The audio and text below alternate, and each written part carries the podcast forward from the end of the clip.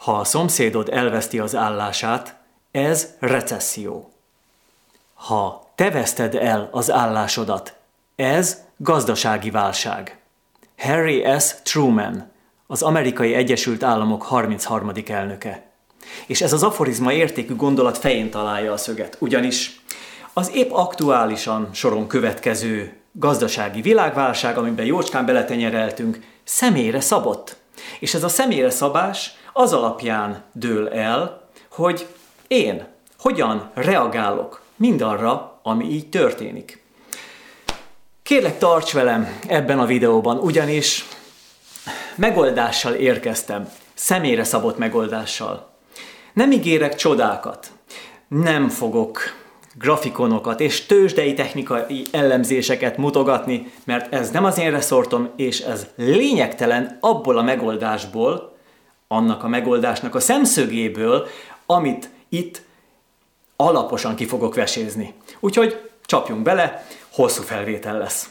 Szóval ez egy hosszú történet, nem csak a felvétel, ugyanakkor azt is tudnod kell, hogy mivel személyre szabott a megoldás, ezért azt a megoldást te fogod ki ókumulálni saját magad számára. Én a magam nézőpontjából fogok vizsgálódni, fogom azt a vizsgálódási sémát alkalmazni, amit minden probléma megoldásnál előveszek, hogy te valóban egy személyre szabott megoldást tudj saját magad számára kitalálni, és utána meg is valósítani. Mert egyrészt meg kell érteni a folyamatokat, látni kell, hogy mi zajlik körülötted a világban, a te szemszögedből nézve, és az alapján hozni egy jó döntést. Szóval ebbe csapjunk akkor most bele. Oké? Okay? Szóval hosszú, sok-sok jegyzetet készítettem itt az elmúlt napokban, amely számomra azért volt jó, hogy végig tudtam gondolni itt a lehetséges változásokat, amelyek itt előttünk állnak. És az az igazság, hogy a jövőt azt nem lehet konkrétan meghatározni. Föl lehet rá készülni eshetőségekre, de egészen biztosan nem láthatjuk azt, hogy pontosan mi fog történni. Viszont ami biztos, az az, hogy fel tudok én készülni arra, azokra a lehetőségekre és eshetőségekre, amelyek mondjuk úgy, hogy benne vannak a pakliban. Legyen ez egy helyzetre való rálátás, egy nyugalom felé való elmozdulás, azt hiszem, hogy így a karanténban ez egy külön fontos tétel lesz, hogy megvalósítsuk, és ugyanakkor, hogyha ez a nyugalom megvalósult, akkor abból tudjunk, mindannyian te és én is, kigazdálkodni valamilyen új inspirációs forrást. Na hát erről szól ez a videó. Ezért vagyok igazából lelkes, mert próbálom mindig a problémákat egy derűs, optimista szemmel nézni. Vizsgálódási sémát említettem már a korábbi videóban is, amikor próbáltam összeszedni a fő vázlatpontokat, amelyeket itt is most érinteni fogok. Ez a vizsgálódási séma tulajdonképpen egy szétbontás, tehát maga a problémának a szétbontása összetevőkre. Ez egy megismerési folyamat. Itt nagyon lényeges, hogy tényszerű megismerésre kell, hogy törekedjek. Tehát ez, ez, ez nagyon fontos. A, tény, az pedig a, a nyitottságomtól lesz tény, mert hogyha érzelm, tehát érzelmi befolyásoltság alatt tekintek rá a tényekre, akkor torzul az én felfogó képességem, mert akkor rögtön bekapcsolódik a minősítés, egyfajta ilyen negatív reakció, mert általában az érzelmek, az elhomályosító érzelmek, azok nem pozitívak. Tehát már maga a szó is az, hogy elhomályosító, tehát ugye nem látunk, tehát köd, ködben nem látunk nagyon messzire, talán magunk elé egy kicsit, de még azt sem ismerjük pontosan föl. Aki vezet autót, és autózott már ködben, az pontosan nagyon jól tudja, hogy miről beszélek. Szóval ez, ez szimbolikus, és itt is teljesen érvényes. Ugyanakkor, hogyha bekapcsoljuk a ködlámpát, akkor talán a szórt fény miatt jobban átlátjuk a, azt a teret, ami közvetlen előttünk van, és ezzel kell elsősorban dolgoznunk, ami közvetlen el, előttünk van, tehát ami éppen itt és most van. Én nem tudom megoldani a a, a nagy problémákat, a nagy politikai problémákat, a nagy gazdasági problémákat. Ahhoz én kicsi vagyok. Még ha ott lennék a, a csúcson, még akkor sem biztos, tehát egy nagy politikai vezető lennék, tehát most nem akarok itt konkrét neveket mondani, bárkit mondhatnék, akár mekkora nagy úr, vagy látszik, hogy az, de ő magában is kevés. Tehát itt végső soron valami nagy egészről van szó, amit lehet, hogy valami nagy erő működtet és befolyásol, és most próbál velünk itt játszadozni, nem tudom, azt sem látom. Egy biztos, azt kell látnom, ami közvetlen előttem van, úgyhogy én bekapcsoltam a ködlámpáimat, és akkor nézzük meg, hogy ez konkrétan mit is jelent. Fontos, mint ahogy mondtam, ezt hangsúlyozom ismét, hogy a, az érzelemmentesség, tehát, hogy próbáljak úgy ránézni a helyzetre és a tényekre, ahogyan vannak. Oké? Okay? Tehát az objektivitás, ez legyen egy fő szempont. Tehát először is, itt most úgy egy hármas rész, tehát három, három felé tudom tagolni magát ezt a vizsgálódási sémát. Ugye az összetevők megismerése az a tényekről szól. Aztán itt van a középső tétel, az pedig maga a probléma, ami az összefüggésből adódik. Tehát, hogy ezek a tények, ezek, a, ezek az önmagukban is vizsgálható tényezők, ezek mi, milyen módon és hogyan függnek egymással össze és milyen szinergiát alkotnak, hogyan erősítik egymást. Ezek is jó kérdések. Tehát az oda-vissza működő hatások és az összefüggések. Ezek bármilyen szintű összefüggések, amik itt számítanak, meg folyamatok, amik mondjuk már akár hát gazdaságilag, ha nézzük, akkor tendencia szintjén így grafikonon is ábrázolhatok, de én ma nem fogok grafikonozni. Aztán pedig ez alapján, tehát hogyha megismertük a tényeket, megnéztük az összefüggéseket, az alapján a saját szemszögünkből nézve, és itt jön a saját megoldás kérdése, hogyan viszonyulok mindenhez, milyen a reakcióm, és lényegében ez nem más, mint ez a harmadik rész, a megoldás. Tehát ez lesz a megoldás. Tehát a megoldás az mindenféleképpen egy aktivitás. Tehát, hogy én mit te- teszek, és mit tehetek. Erről most akkor sokat fogok beszélni. Nos, a szellemi alapállás az lényegében már így elhangzott, érzelemmentesség, de akkor azt mondom egy kicsit másképpen, nyitottság. Tehát az érzelmek beszűkítenek, mert ugye elhomályosítanak, nem engednek túl látni dolgokon, akár gondolkodási sémákat is aktivizálnak bennem, amely, amely a kreativitásomat kordá, korlátozza és kordában tart engem, tehát tulajdonképpen az egy cselekvési, egy döntési, cselekvési korlátot is állít elém. Miért? Tehát azért, mert lényegében, ha érzelmek kelnek föl bennem, az hát nyilván valami révén, valamihez úgy viszonyulok, hogy az bennem egy érzelmet kelt, és az, a, a, arra pedig én úgy reagálnék, ahogyan nem megfelelő. Tehát érzelemből reagálni nem megfelelő. Mert az nem, nem a racionális oldal, hanem az irracionális oldal, amit később megbánhatunk. Sok-sok példát tudsz te is fölhozni az életedből, amikor valami nagyon impulzív döntés révén eljutottál egy olyan helyzetbe, amit később megbántál. Jobb lett volna talán azt visszacsinálni. Most olyanokat nem is akarok fölhozni példakép, példa, mert nem példák, de ellenpéldák lehetnek, akik mondjuk a börtönben ülnek, ugye hirtelen felindulásból elkövetett szerelemféltés büntette mm, gyilkos konkrétan. Na, szóval mégiscsak felhoztam egy ilyen példát, de legyen ez, ez a legszélsőségesebb példa.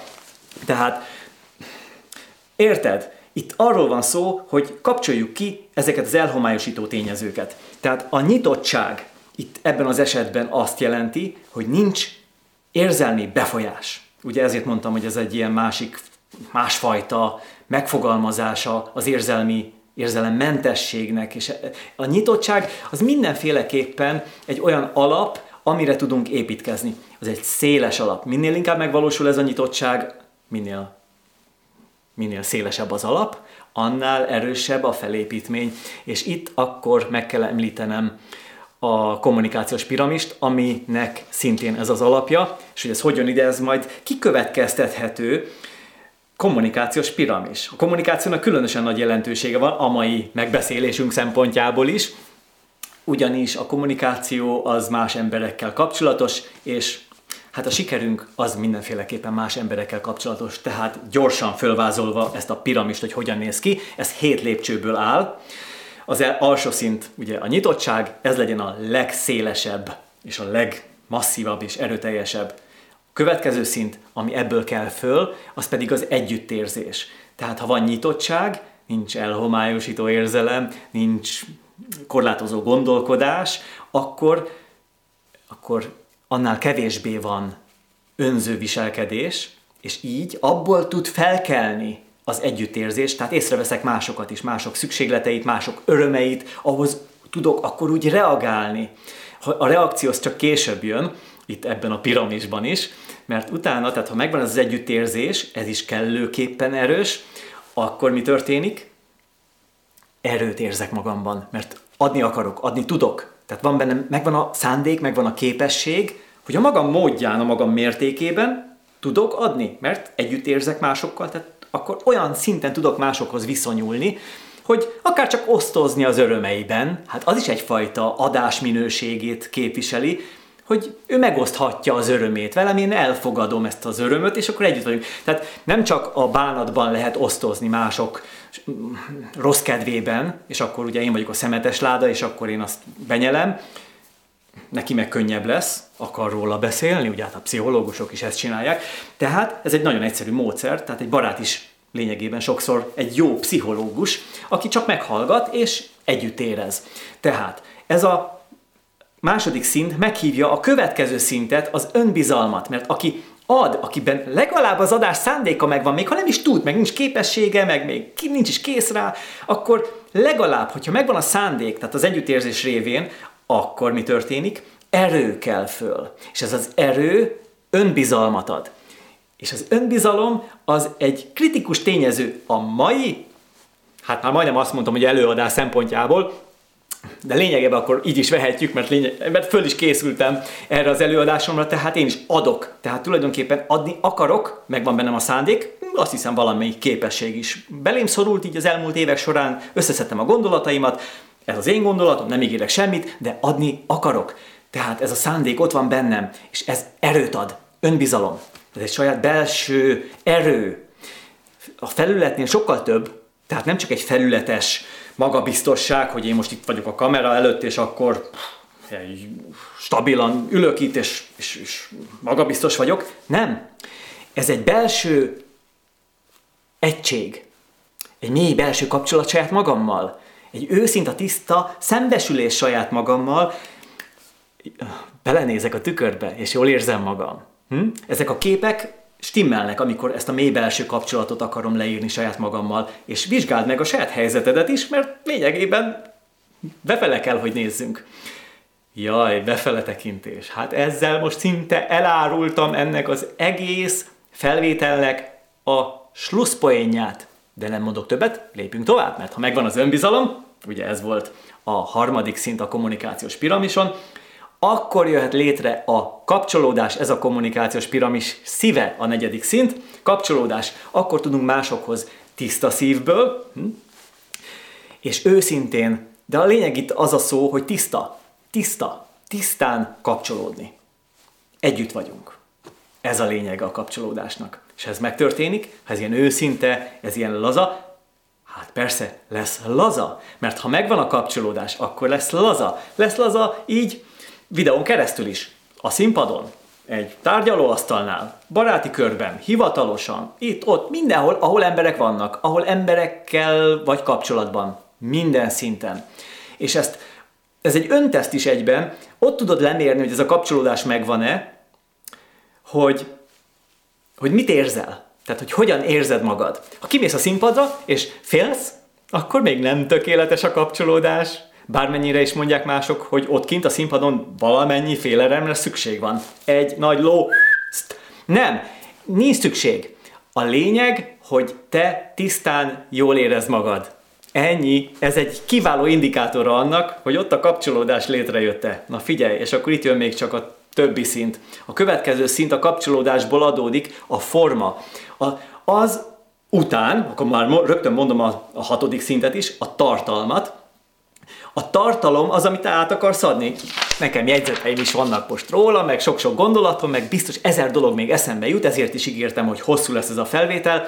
Az maga a tartalom. Az együttérzésre alapozom, mert adni akarok, jót akarok adni, segíteni szeretnék. Nem ígérek semmit, de segíteni szeretnék. Tehát én most szállom az időt nem csak a felkészülésre, hanem arra is, hogy most ezt a filmet leforgatom, feltöltöm, hirdetem, megosztom itt-ott, és akkor örülök neki, hogy amit tehettem, megtettem. Ez a tartalomhoz tartozik, na de a forma, ami megelőzi az ötödik szinten, az pedig azon múlik, hogy milyen a kapcsolódás. Tehát ha megvan a kapcsolódás, akkor a forma spontán lesz. Nem kell vele foglalkoznom. Oké? Okay?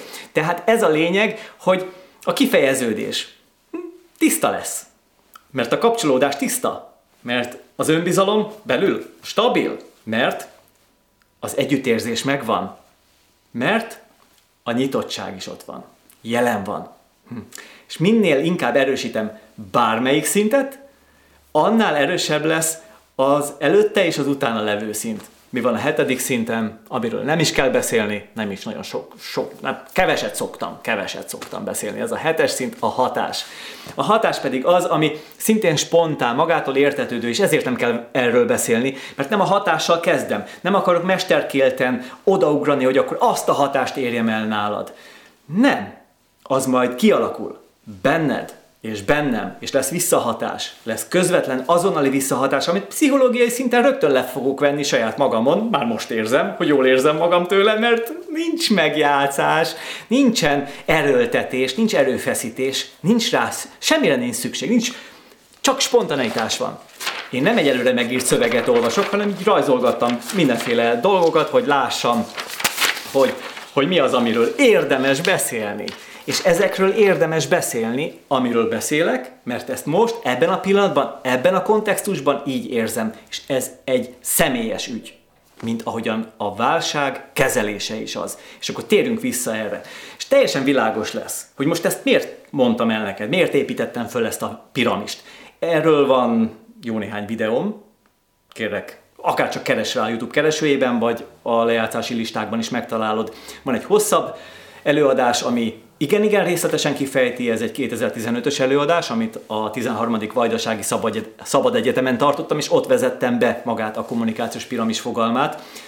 Addig érett össze az elmúlt, addigi elmúlt 25 évem tréneri, kommunikációs személyiségfejlesztő tréneri munkámnak a veleje egy ilyen piramis formájába. Ilyen egyszerű. Tehát a dolgok egyébként ennyire egyszerűek.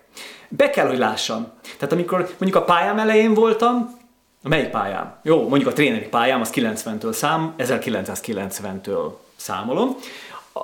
Na, akkor az elején olyan bonyolultnak tűnt, hogy akkor még ezt is, azt is, minden elmélyedni dolgokban, és akkor... De most, hogy kezdek egy kicsit többet, több tapasztalattal rendelkezni, egyre többel, szerencsére, így azt kell, hogy mondjam, hogy a dolgok sokkal egyszerűbbek, mint ahogyan azt korábban hittem. És ennél, a válság kezelésénél is pontosan ugyanerre a következtetésre jutottam. A dolgok egyszerűek, végtelenül egyszerűek. Nem kell túl bonyolítani. Nem kell elbonyolítani. És ezt én magamba teszem, ha teszem, és én erre egyébként hajlamos vagyok, azért is beszélek erről, mert lehet, hogy te magadra ismersz egy ilyen belső elbonyolításnál, én magamra ismerek, tehát én, de észnél vagyok, most is mondom, ezért is figyelmeztetem saját magamat arra, hogy haló, figyelj, legyél egyszerű. Legyél egyszerű a kommunikációban, legyél egyszerű a gondolkodásban, a probléma megoldásban, mindenben. Tehát az egyszerűség az az élet kulcsa.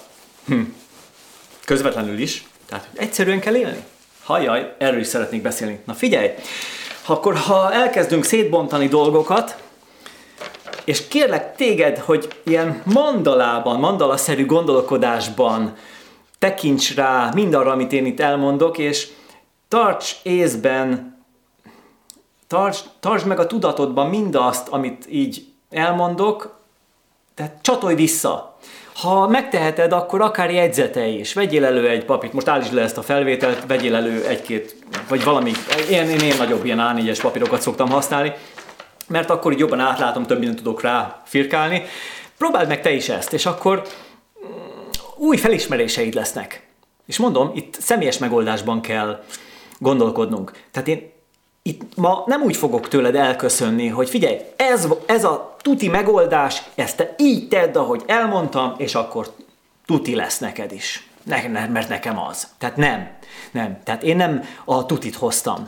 Én a, nem a tuti megoldást, hanem a tuti gondolkodási módot, és esetleges tuti hozzáállást hoztam neked, ami legalábbis nekem tuti, hogy neked tuti-e? Na jó, akkor hagyjuk ezt a tuti szót, lényű, lépjünk tovább, tehát bontsuk szét a helyzetet. Mint ahogy mondtam, a szellemi alapállás legyen a nyitottság, amiből kinőtt a kommunikációs piramis, ez feltételez egy optimizmust. Én mindig a jót keresem. Hát, és aztán elég gyakran a rosszat találom. Oké. Okay. Ez nem jelenti azt, hogy ne lenne benne jó, csak legfeljebb nem kerestem elég jól. Igen, minden rosszban van valami jó, tartja a mondás, teljesen igaz, igaz erre a helyzetre is. Most, hogy letérdelt a gazdaságunk, így a járvány idején, egy olyan képzet van előttem, hogy olyan, mint egy ilyen box mérkőzés, ahol nehéz súlyú boxolók, világbajnok, klasszis boxolók, egy bent vannak a ringben, és, egy, és a világbajnoki címért küzdenek, vagyis hát véletlenül az egyik a másiktól akarja elvenni, mert ő a kihívója, és most teljesen mindegy, hogy melyik, de legyen az, aki kihívta a világbajnokot, megfogta.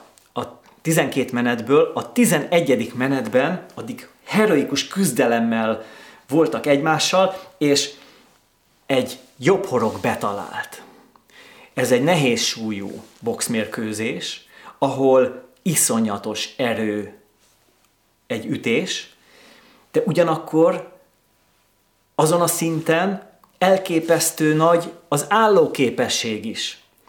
És ez az ütés betalált. Letérdelt az addig, tehát a, a, a címvédő letérdelt, megszédült. És most így látom a gazdaságunkat is. A világgazdaságot, nem csak a magyar, tehát a magyar az függ az összes többitől, tehát már mint a nagy, nagy hatalmaktól, nyugattól, meg Amerika, meg minden. Szóval, meg hát Európa. Szóval a lényeg, hogy letérdelt a gazdaság. Tehát ez a, ez a metaforikus kép van most itt előttem. És ugye láttam jó néhány boxmérkőzést, amely során azt láttam, hogy ezek a profi boxolók, mivel tényleg profik, hát attól profik, hogy megvan a jelenlétük, tehát amíg lehet, kitartanak, és az állóképesség a lehető legnagyobb, ezért le, rászámol a bíró, most talán egy ilyen rászámolás van, és utána föláll, de már megfogta a kihívó. Már megfogta. És jön a következő összecsapás. Tehát folytatódik az összecsapás, a bíró megengedi, hogy újra, tehát össze, össze ütközzenek. És a kihívó elképesztő magabiztossággal rondít bele a magabiztosságába a címvédőnek, aki pszichológiailag, tehát lelkileg van már megtörve. Nem is, nem is a testi, hanem inkább a lelki állóképesség az, ami elképesztően nagy, de találkozott valami még nagyobbal, és megtörténik a következő ütés. A következő ütés az még csak most jön. Az én meglátásom szerint, de akkor most teljesen mindegy, hogy ezt a képzetet tovább visszük-e vagy sem, el, elmondtam végül is ezzel azt, hogy, vagy talán már sejtettem, azt, hogy ez egy kiütéses győzelem lesz, és a kihívó fél akit hívhatunk akkor gazdasági világválságnak, az legyőzi a gazdaságokat, gazdaságunkat és a gazdaságokat.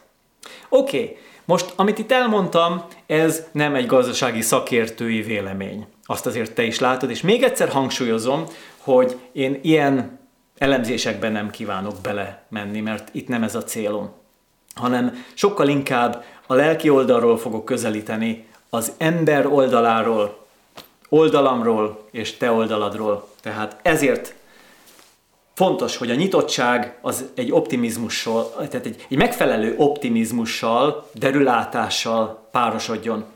Oké? Okay? Párosodjon? Hm. Hát nem, nem, nem párosodik. Hát a nyitottságból következik az optimizmus. Hm? Oké, okay. akkor ez most visszamenőleg kiavítandó, amit az előbb mondtam, tehát nem párosodnak, hanem hm, egyik következik a másikból, tehát a nyitottság a legfontosabb. Ugye ezt a piramisnál már megtanultuk. Tehát az optimizmus az egy derülátás, keresem a jót. Mi az, amit én tehetek, mi az, amit, ami, ami jó abban, ami történik, mert ha ezt a radart működtetem magamban, ezt a jó keresést, akkor a jót fogom megtalálni. Ami lehet, hogy az elején lehet, hogy a fájdalmas pillanatokban nem látszik, sőt elképzelhetetlennek tűnik, de mégis van benne valami. Ami viszont biztos, hogy lesz, az majd később lesz egyértelmű. Na hát akkor nézzük meg, hogy mi, mi is az a térkép, amit itt fölrajzolhatunk. Szóval van nekünk most egy járványunk, egy koronavírusunk, amit rendesen bekaptunk. Ennek nyilván van egy lefutása, túl leszünk rajta, ez egészen biztos, hamarabb, mint a gazdasági válságon. Amikor ez úgy olyan mérték, méretekben, tehát már nemzetközi méretekben is felütötte a fejét, akkor följött bennem egy ilyen gondolat, hogy innentől kezdve, hát ez most így mikor, tehát jó hónappal korábban azt mondtam magamban, hogy hm, a világgazdasági válságot, ami éppen most következik, amit vártunk, várta, várta a, a, a szakértők, tehát úgy a gazdaság, az a koronavírustól datálódik majd. Ez, ez úgy rögtön bejött a képbe, mert akkor már látszottak azok a jelek, amik így a gazdaságot érintették. És tulajdonképpen ez, ez nem más, mint egy katalizátor.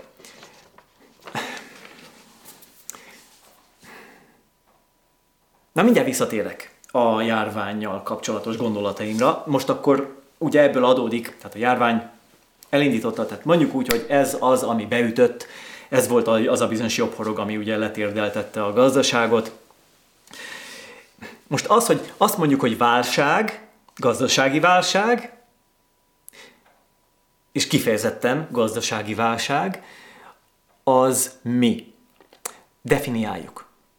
Mert ugye, ahogy az elnök úr mondta, hogy a gazdasági válság az, ami veled történik, tehát igazából amit te érzel ám saját bőrödön, mert minden más csak, hát recesszió az, ami történik a világban. Hát úgy, ilyen gazdaságok, vagy így, vagyis mm, iparágak mennek tönkre, alakulnak át, az, és akkor hogy van egy ilyen mérlege egy nagy nemzetgazdaságnak, és akkor azt el lehet mondani, na most recesszió van. Tehát az nem igaz, hogy akkor mindenkinek rossz.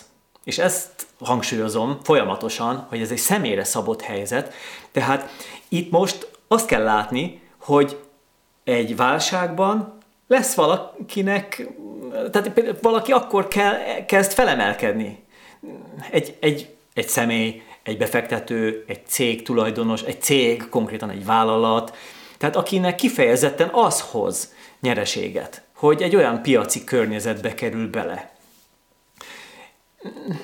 Tudom, tudom, itt bekapcsol sokaknak a, az erős érzelmi fűtöttségű hozzáállása, hogy hát persze akkor az majd kihasználja a sok kisembert, a dolgozókat, a munkásokat, és, és mások kárán nyerészkedik.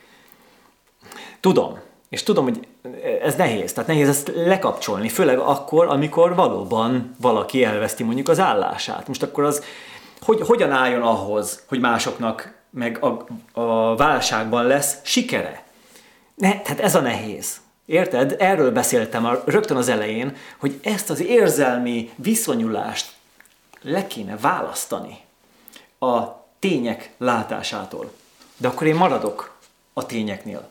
Tehát itt, ugye ez, ez egy elfogadható, ez elég objektív. Tehát valakinek jó lesz, valakinek rossz lesz.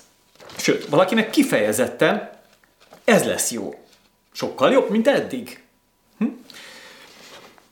Most be, be, persze beszéltünk a befektetőkről is, akik, akik akár elő is idézhetik a gazdasági válságot. Szóval akkor itt rögtön egyezünk meg valamiben. Oké? Okay? Nincs véletlen. Hm? Csak nem vélt folyamatok eredménye. Nincs véletlen. Csak nem vélt folyamatok eredménye. Tehát az, amit látsz, az bármi, teljesen mindegy, az nem csak úgy véletlenül történik. Mindent meg lehet okolni, hogy az miért történt. Lehet, hogy nem tudjuk még csak föl sem fogni, hogy milyen okozati lánc vezetett oda, hogy az, ami megtörtént, az megtörtént.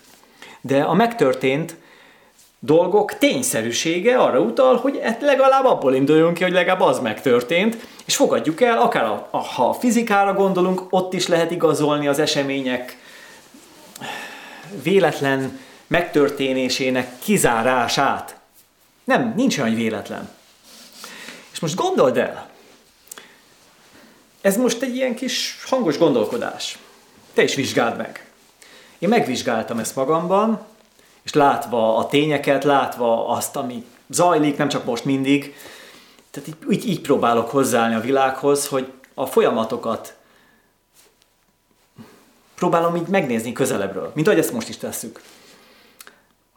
Tehát az, hogy egy gazdaságban véletlenül történjen valami, ez, ez, ez, ez triplán kizárt, mert olyan bagatel dolgoknál, ami gazdasághoz képes bagatel, úgy értem, ott is annyira precízen lekövethető, hogy mi miért történik, és kik hogyan operálnak azzal, így a valamilyen üzleti folyamatok révén, hogy egy eredmény születik, amiről mi azt gondolnánk, jaj, micsoda krach, micsoda csőd, micsoda mellényúlás. Holott lehet, hogy a konkurencia nyúlt bele abba a folyamatba, valamilyen titkos módon, valami nem látható módon, és az idézte elő azt az eredményt. Szóval most csak a reklámokra gondolok, vagy, vagy akár tényleg ilyen kisebb cégek közötti konkurencia harc szintjén. Tehát ha ezt nézem, hogy ilyen helyzetekben milyen drámai hozzáállások és folyamatok vannak, akkor most, most tegyük fel a, a költői kérdést, és tényleg nem kell megválaszolni. Akkor szerinted egy, egy, egy gazdasági, ország, nemzetgazdasági vagy világgazdasági szinten, ahol nem piti cégekről van szó, hanem a, a vagyon ne továbbjáról, ott véletlenül fog valami is történni. Amikor embereket likvidálnak, tudom én, milliókért, pár millió forintért, vagy fogjuk föl, hogy világgazdasági szinten, ahol, ahol elképesztő pénzügyi műveletek zajlanak, amit mi kisemberek föl sem tudunk fogni, mert ahhoz nekünk nincsen agykapacitásunk, hogy azt mi átlássuk, hogy, hogy mi, mi, mi zajlik így világgazdasági szinten. Jó, persze most egy közgazdász itt biztos el is kapcsolt már innen, de lehet, hogy jobb is. Szóval ne, ne, ne, nem ez a lényeg, hanem az a lényeg, hogy zárjuk ki a véletlent. A tényből induljon ki. Mi az, ami tény? Tehát el tudod-e azt fogadni, tényként tudod-e kezelni, hogy ilyen magas szinten nem történik csak úgy valami, hogy véletlenül egy árfolyam úgy megváltozik. Csak úgy véletlenül. Azért, mert mondjuk ugye, hát főleg ha tőzsdéről van szó, akkor ott rögtön rávágják, hogy a szakértők, nem én gondolom ezt csak így, hanem, a, hanem ez szakértői berkekben már egy közhely, hogy ugye a, a, a tőzsde nem más, mint 80% pszichológia, 20% meg mindenféle elemzés, technika. Tehát akkor miről beszélünk? Egy bejelentés itt, egy bejelentés ott, az árfolyamok pedig így ugrálnak a bejelentés révén. Most nem is olyan régen láttam valami, valahol valami videót, hogy Trump elnök beszélt, nem is tudom, mi hanyadik elnök, szóval, és ahogyan beszélt, és amiket mondott, a tőzsde egy szimultán rögtön követte az ő gondolatmenetét. Valamit mondott, nem emlékszem, mit nem is érdekes, és akkor egyből estek a részvények, utána egy kicsit följebb. De, tehát az, hogy ugye másodpercenként változik az árfolyam, tehát azért ez elég durva, nem? És ezt épésszel és tulajdonképpen idegrendszerrel felfogni elég nehéz. Tehát akik úgy bent vannak a tőzsdében és próbálnak mm, hát azon a szinten működni, ahol nem ők az irányítók, hanem csak az elszenvedők sok esetben, és hát ők vannak többségben. Akármennyire is hiszik magukról azt, hogy ők értenek a tőzsdézéshez, de ez elég, főleg a brokereket azért elég rendesen kicsinálja. Ezt, ezt lehet tudni. Tehát egy, egy tőzsdei broker az 25 éves korában sokszor már elmehet nyugdíjba, de lehet, hogy az árt osztályra, mert úgy kiégett. Na, nem akarok senkit ezzel piszkálni. Egy biztos, nem történik semmi véletlenül. Én ezt most kijelentettem, vizsgáld meg te is, én ebben biztos vagyok. Szóval, ilyen formán vissza kell, hogy kanyarodjak az előző kiváltókra, mert ugye a gazdasági válság kiváltó oka, nem kiváltó az utolsó csepp a pohárban. Ez helyesebb megfogalmazás, mert itt ide, ide eljutottunk. Az a járvány. Tehát az, hogy ez most belerugott, pontosabban hm, jobb horog, tudod, az előző nehéz súlyú boxmérkőzés példájánál maradva, ez volt a jobb horog. És azért azt látni kell, hogy ahova ide eljutott a gazdaságunk, az egy természetes folyamat. Tehát ha egy, egy, egy egyszerű, közepes pénzügyi szakértőt megkérdezel, akkor ő is azt fogja mondani, hát ez teljesen természetes, hogy most jön egy következő gazdasági válság. Válságok mindig voltak, és mindig is lesznek. És az a helyzet, hogy annak a berendezkedésnek, ennek a gazdasági berendezkedésnek és működési mechanizmusnak ez a természete, ahogyan itt a pénz, mert a pénzről van szó, a pénz Istenről van szó, hogy a pénz hogyan működik ebben a világban, ennek ez a logikus következménye, hogy lesznek ilyen válságok, amiket majd megfelelő módon kezel a a mindenféle kormány, és akkor utána lesz valami, egy következő lépés. Ki tudja, lehet, hogy lesz hiperinfláció, lehet, hogy ilyen összeomlás lesz. Láttunk a történelemből sok példát. A kérdés az, hogy tanultunk-e belőle. Ugye nem is olyan régen volt az előző, 2008-ban kezdődött. Az hitelválság volt, ez most nem. Ez most más jellegű. Olyannyira készültek már rá a bankok, hogy tavaly igen, akkor olvastam egy cikket arról, nem emlékszem hol, egy külföldi internetes magazinban, hogy a nagy nemzetközi bankok elvégezték azt a stressztesztet egy hasonló következő gazdasági válság idején ők hogyan reagálnának egy hasonló szituációra. Tehát ezt modellezték nyilvánvaló, és megfeleltek. Tehát most nem a bankokat kell kimenekíteni, mint ahogyan a múltkor. Jut eszembe tavaly, igen, a, a tavaly évben 700 milliárd forintot könyveltek el a hazai bankok nyereségként. Ez most olvastam nem is olyan régen. Tehát úgyhogy érdemes volt őket megmenteni, jól megy nekik. De hát ők kellenek, az az igazság. Akármennyire is próbáljuk őket szidni, hogy a gazdaságot mondjuk előidézik, vagy hogy fenntartják, vagy csak hasznot húznak belőle, az tehát, kell, tehát ehhez a rendszerhez, ami itt van, ami most jelenleg működik, a gazdas, ehhez a bankokra szükség van. Úgyhogy tulajdonképpen logikus helyzet volt az, hogy a kormányok megmentettek bankokat.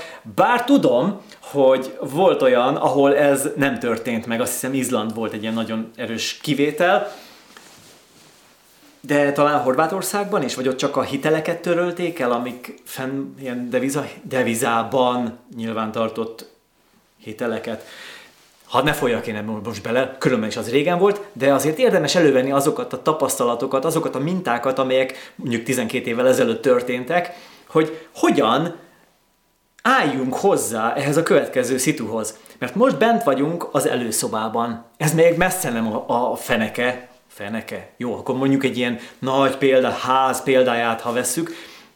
Tehát ahhoz, hogy bejussunk a, a, a nappaliba, vagy a szalonba, hogyha ez egy komolyabb kastély akár, ez a válság, akkor itt még csak az előszobában járunk, még csak most fogjuk levenni a cipőnket, még csak most érkeztünk meg, és A játék még csak most kezdődik, hát szóval egy kicsit erős játék lesz, mert ez, ezt még nem látjuk, hogy mik, mik a következő lépések, de akkor nézzük meg a tényszerű felismeréseket, amik ide bele tartoznak.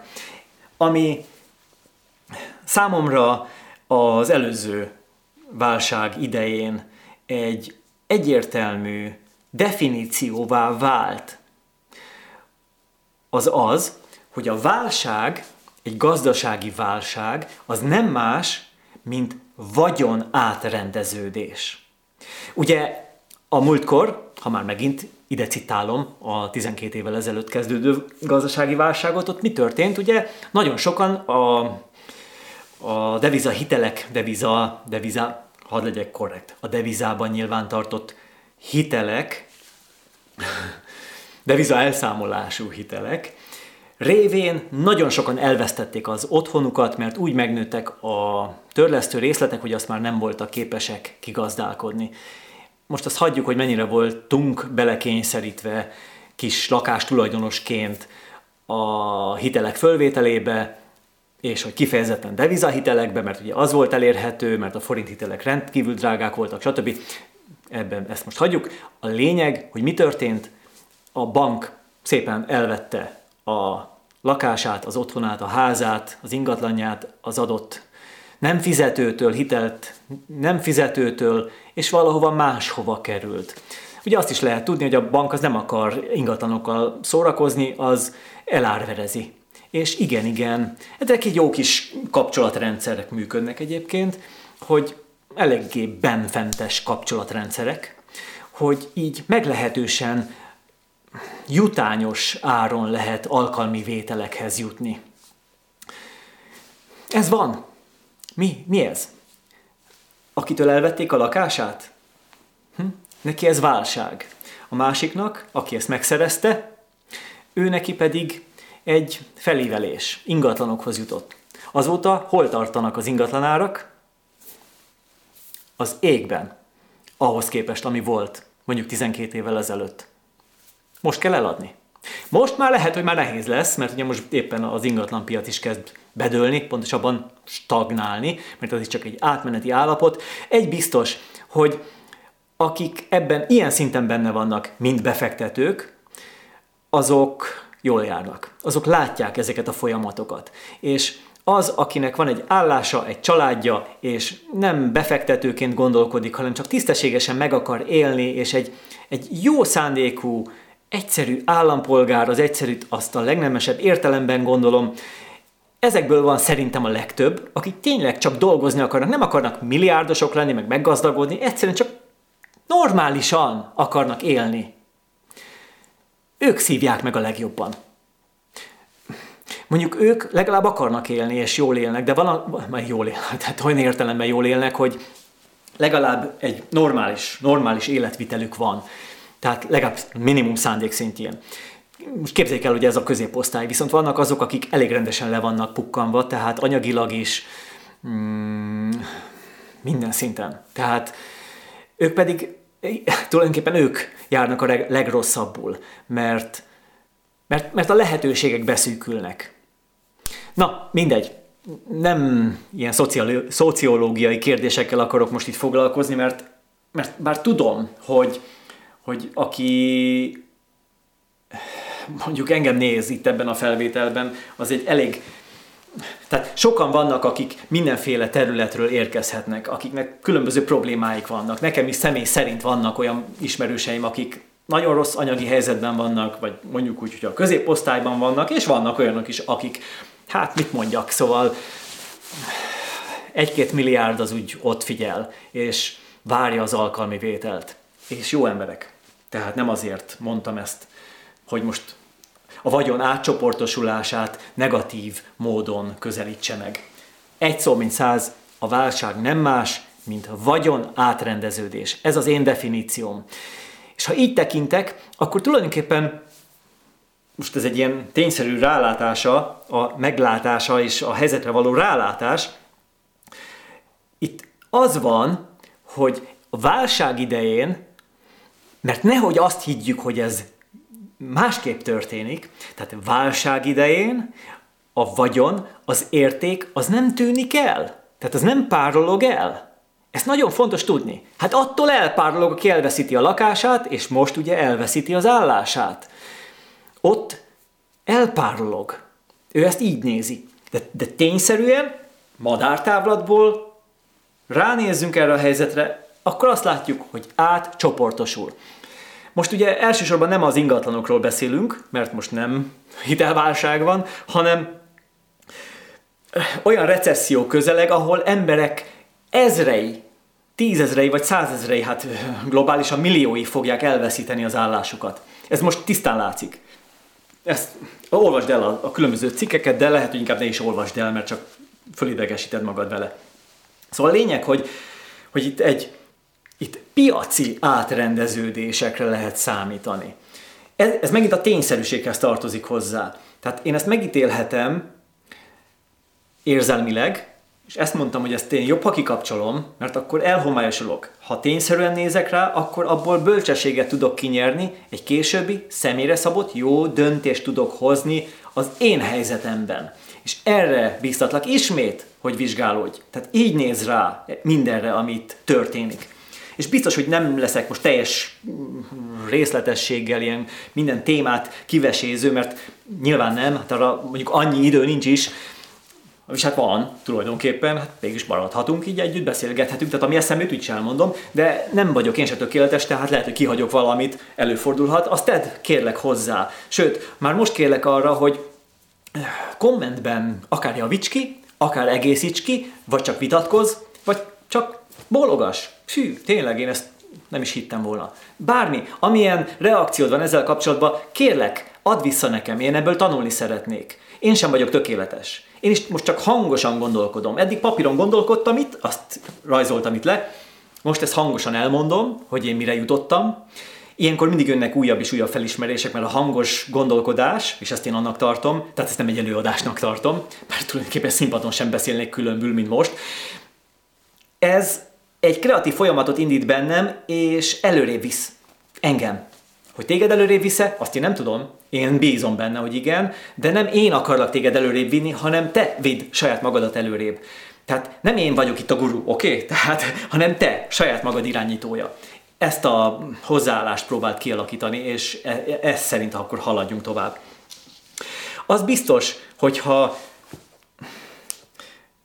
az előzőek alapján, hogyha vagyon átrendeződésről beszélünk, ami most tulajdonképpen már piaci átrendeződést is jelent, mert itt kereskedelmi háborúról kell beszélni. Ezt a fogalmat sem én találtam ki, mert ugye tudjuk jól, Kína, Amerika, az oroszok, hogyha már az olajról van szó, akkor ugye az OPEC országok. Tehát itt azért elég komoly ellentétek vannak.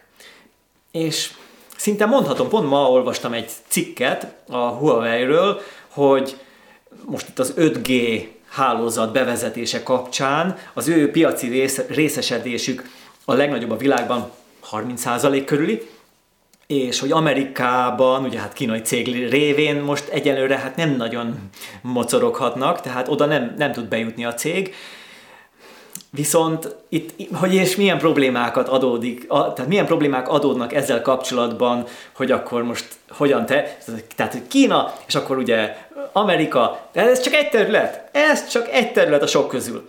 Tehát mondhatjuk azt, hogy itt kereskedelmi háború van. Ma már nem fegyverekkel háborúznak a nagyhatalmak. Oké, okay, tudom, hogy a mai napig, amióta a világ világ, lövik és ölik egymást az emberek, de szó szerint. Tehát folyik a vér konkrétan. A mai napig, ebben a pillanatban is, valahol valakit lelőnek. Ez van.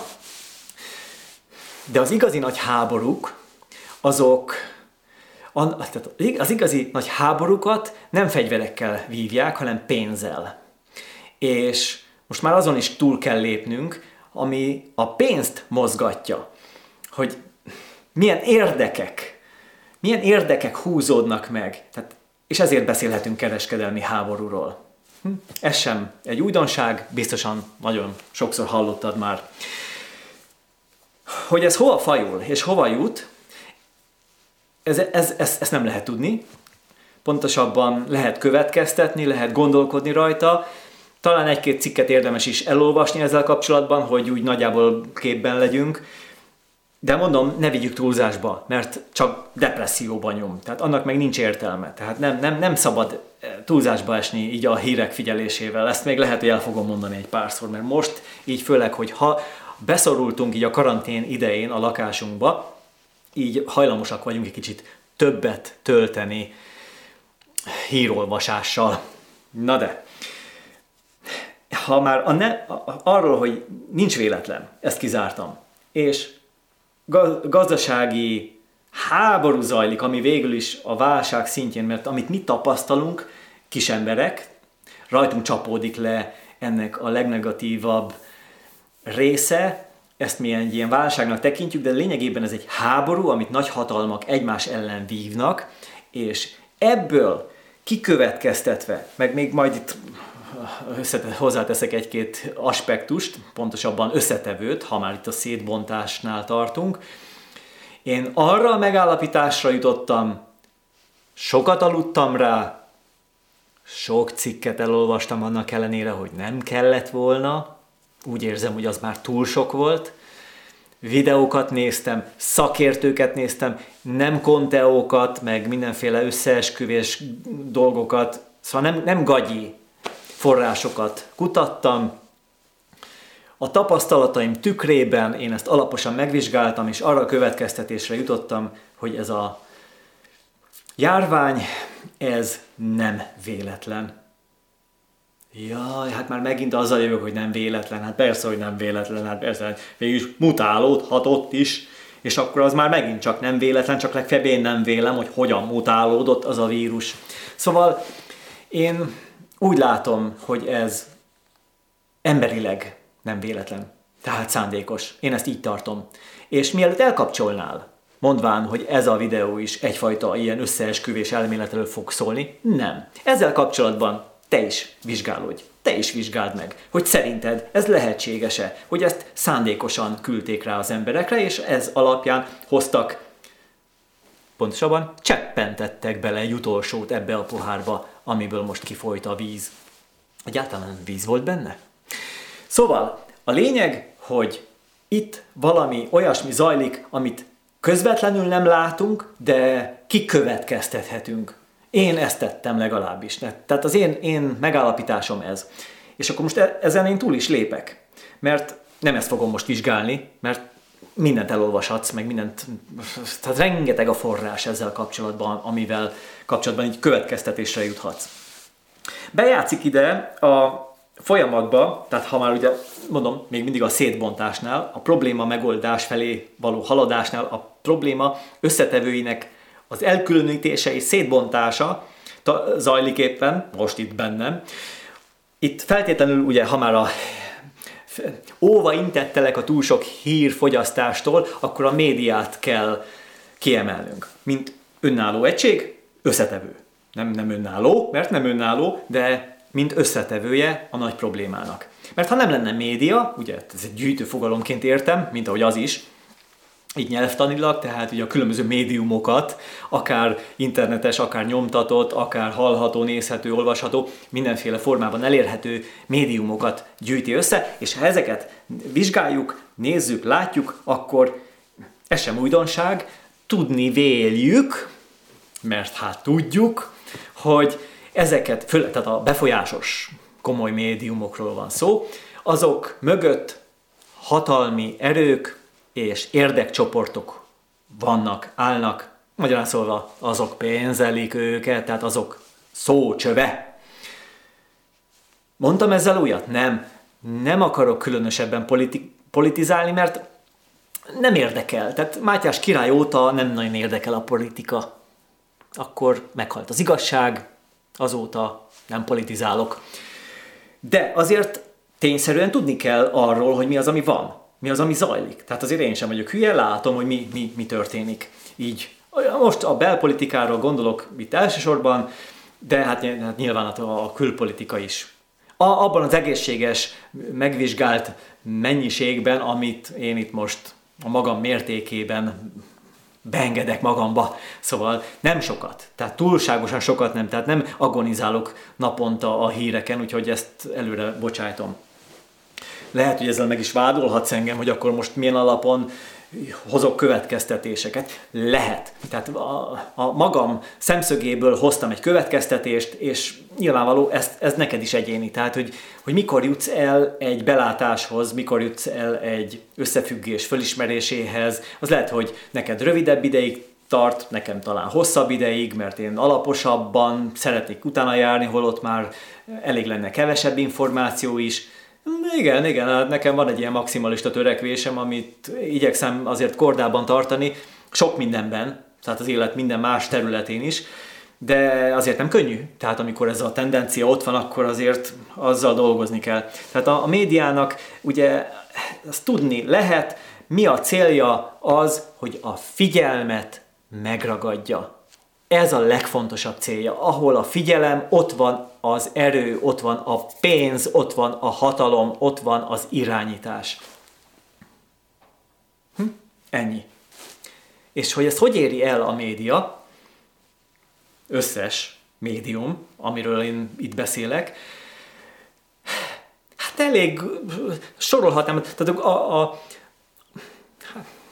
Szóval sokszor ilyen guztustalan módon, vagy hírhajhász, szenzációhajhász módon, kifordítva, félremagyarázva, megmagyarázva, szóval sokféle módon. És ezen kell nekünk átlátni. Tehát tulajdonképpen nekünk egyszerű kis embereknek, hírfogyasztóknak, hogyha már a médi- médiáról van szó, a nagy kihívásunk nem az, hogy honnan szerezzük az információt, hanem az, hogy hogyan szűrjük meg az információt, egy, kettő, és az információból mit tudunk még kiolvasni. Tehát egy ilyen mögöttes tartalmat meglátunk-e belőle.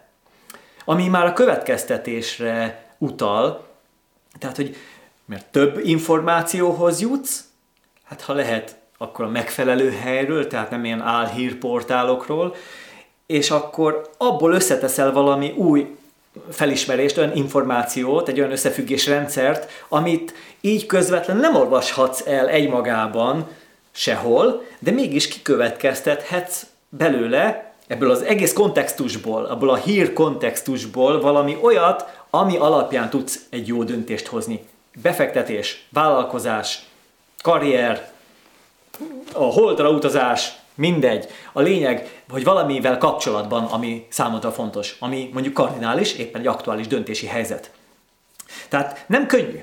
Nagyon nem könnyű a helyzet, azt kell, hogy lássam. És akkor itt persze beszélhetünk a, az álhír portálokról, amelyek ellen most már azért kezdenek rendesen fellépni.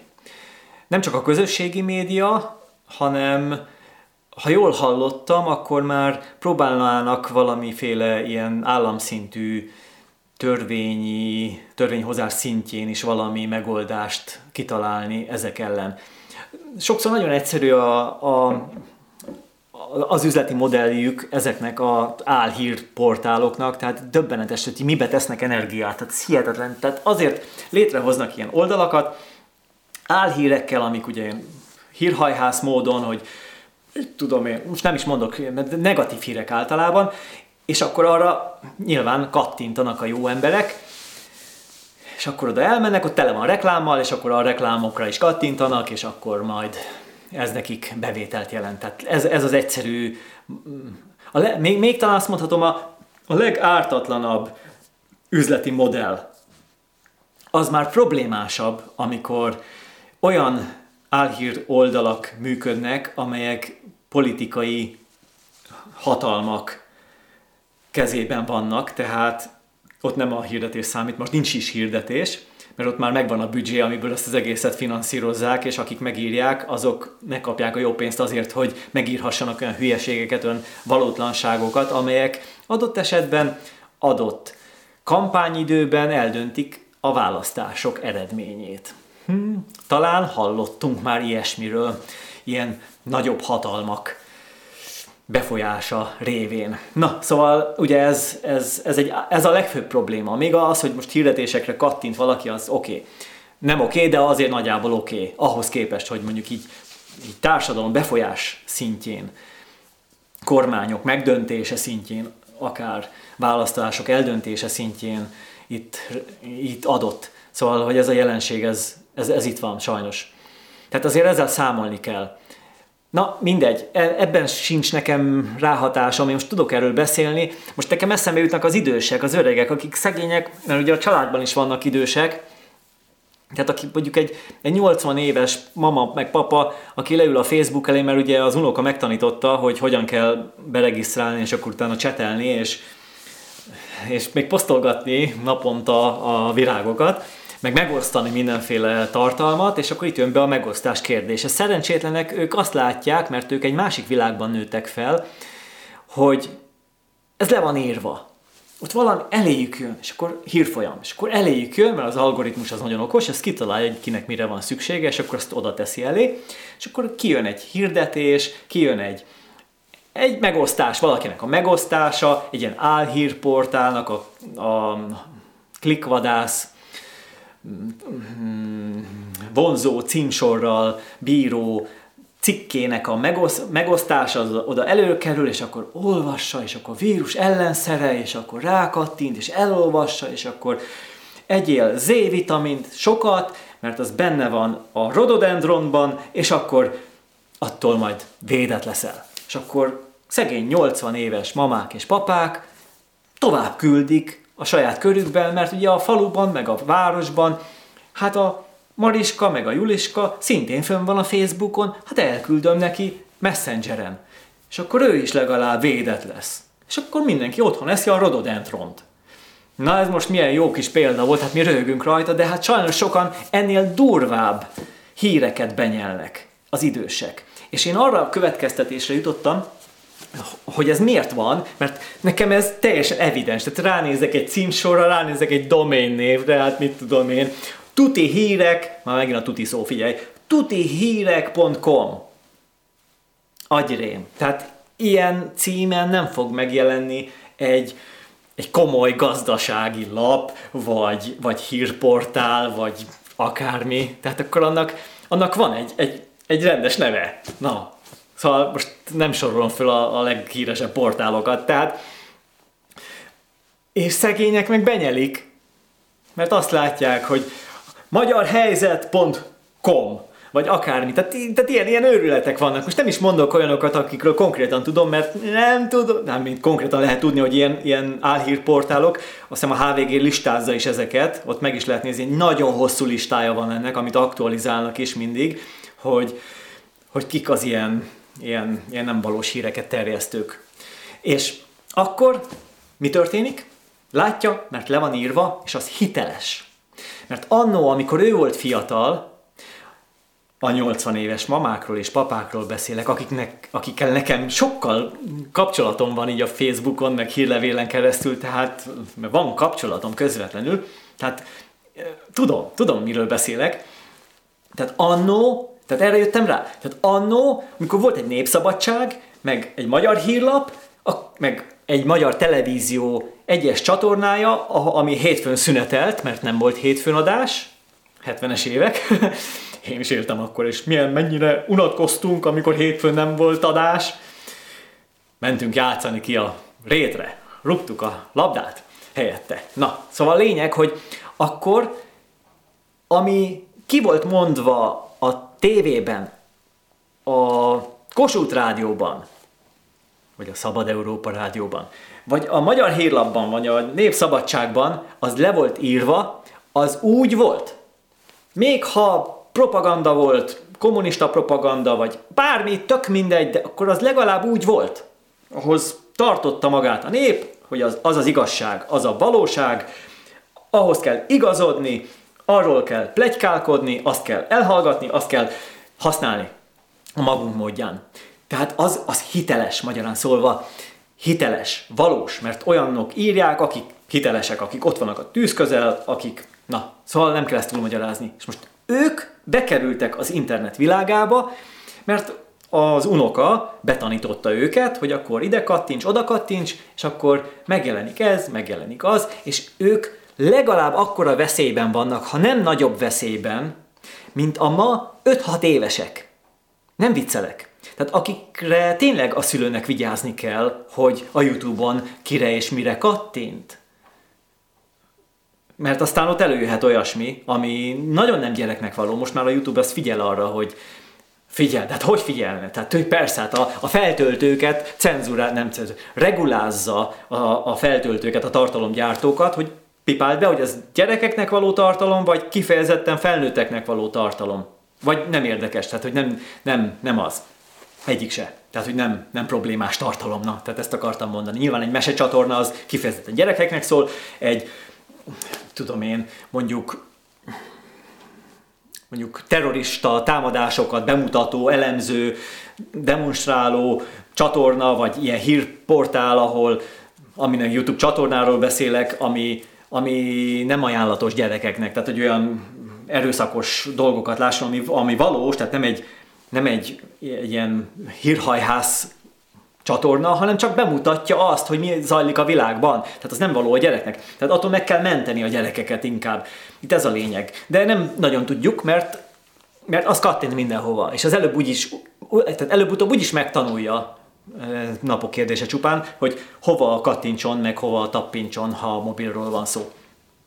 Szóval, na, tehát nagy a kihívás, és én azért mondom, hogy hogy az idősek szempontjából is nagy a, a veszélyhelyzet. Tehát ezt, ezt most így a karantén idején is érzékelem. Szóval így akár még családon belül is látjuk, hogy, hogy azért itt óvatosnak kell lenni. Mindenkinek, minden szemszögből. Tehát a, a, a két tényező, két szempont, amivel meg kell, hogy közelítsük a híreket, az az egyik, hogy megfelelő mennyiségben és helyről találjuk meg a, a híreket, és abból következtetéseket vonjunk le, tehát hogy azt, azt úgy egy olyan szűrőn keresztül értékeljük és olvassuk, hogy, hogy érvényes ismeretre jusson bennünk.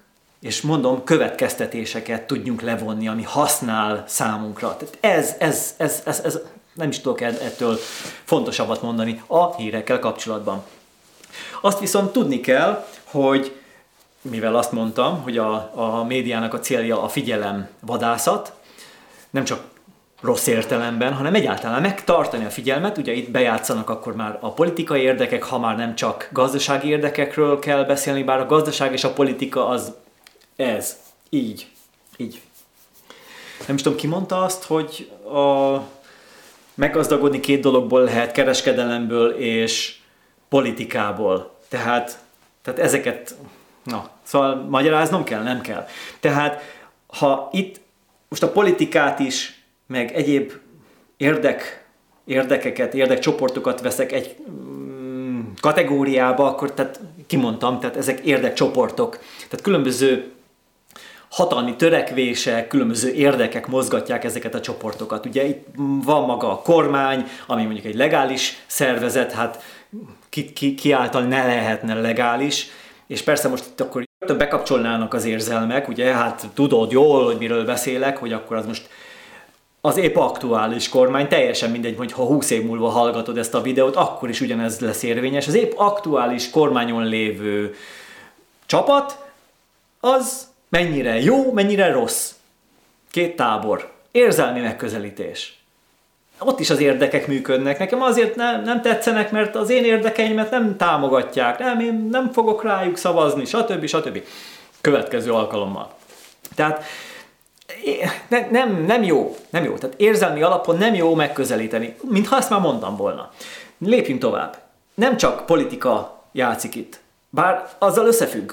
Olyan érdekcsoportok, amelyek a háttérben működnek amiket nem ismerünk, nem látunk, befektetők, és főleg ugye ha itt ilyen a gazdasági válság révén nyilvánvaló a befektetők aztán masszívan előkerülnek, mert ilyenkor az ő révükön azért a pénz mozog rendesen, vagy a vagyon, az érték inkább így is mondhatnám, tehát az értékek mozognak, és hát ez azt jelenti, hogy átcsoportosulnak. Ugyanakkor itt meg kell említeni valamit, ami, tehát nem csak a háttér, tehát van, van mondjuk az országvezetés, vannak a, a, a valós érdekcsoportok, befektetők akár, és van a titkos szint, akikre mi nem látunk rá, akikről annyi összeesküvés elméletet hallunk, hogy a könyvünkön jön ki. Most én arra gondoltam, hogy ha én lennék egy ilyen háttérhatalom, ami piszok gonosz, és az emberiség ellen lenne, és minimum sátánista, mint ahogyan azt meg is, mint ahogyan meg is címkézik, egy-egy ilyen csoportosulást, érdekcsoportot, világirányító csoportot, nem is nevezem őket nevén. Ha én egy ilyennek lennék a prominens tagja, vezetője, akkor egészen biztos, hogy elkezdeném terjeszteni magunkról azt, hogy mi mit akarunk csinálni az emberiséggel, hogy pusztítsuk ki. Közben tényleg azt akarjuk, és én azt elkezdeném terjeszteni. Megfelelő médiumokon keresztül. Akár álhírportálokon keresztül, mert az előbb-utóbb itt fog kijönni. És az ember kellőképpen nem csak irracionális az érzelmei révén, hanem racionális is, és az egy kocka, az egy doboz, amiben beletart. Kinek mekkora ez a doboz, amiben beleült? És akkor abból nem lát ki. Vagyis abban nem enged be dolgokat. Tehát, igen, hát a ne, nem lát ki, az talán abból a szempontból jobb, hogy nem, nem látok rá bizonyos összefüggésekre, amiket nem engedek be a fejembe. Az elmémbe egyáltalán, hogy megvizsgálja. Tehát helyből kilövöm.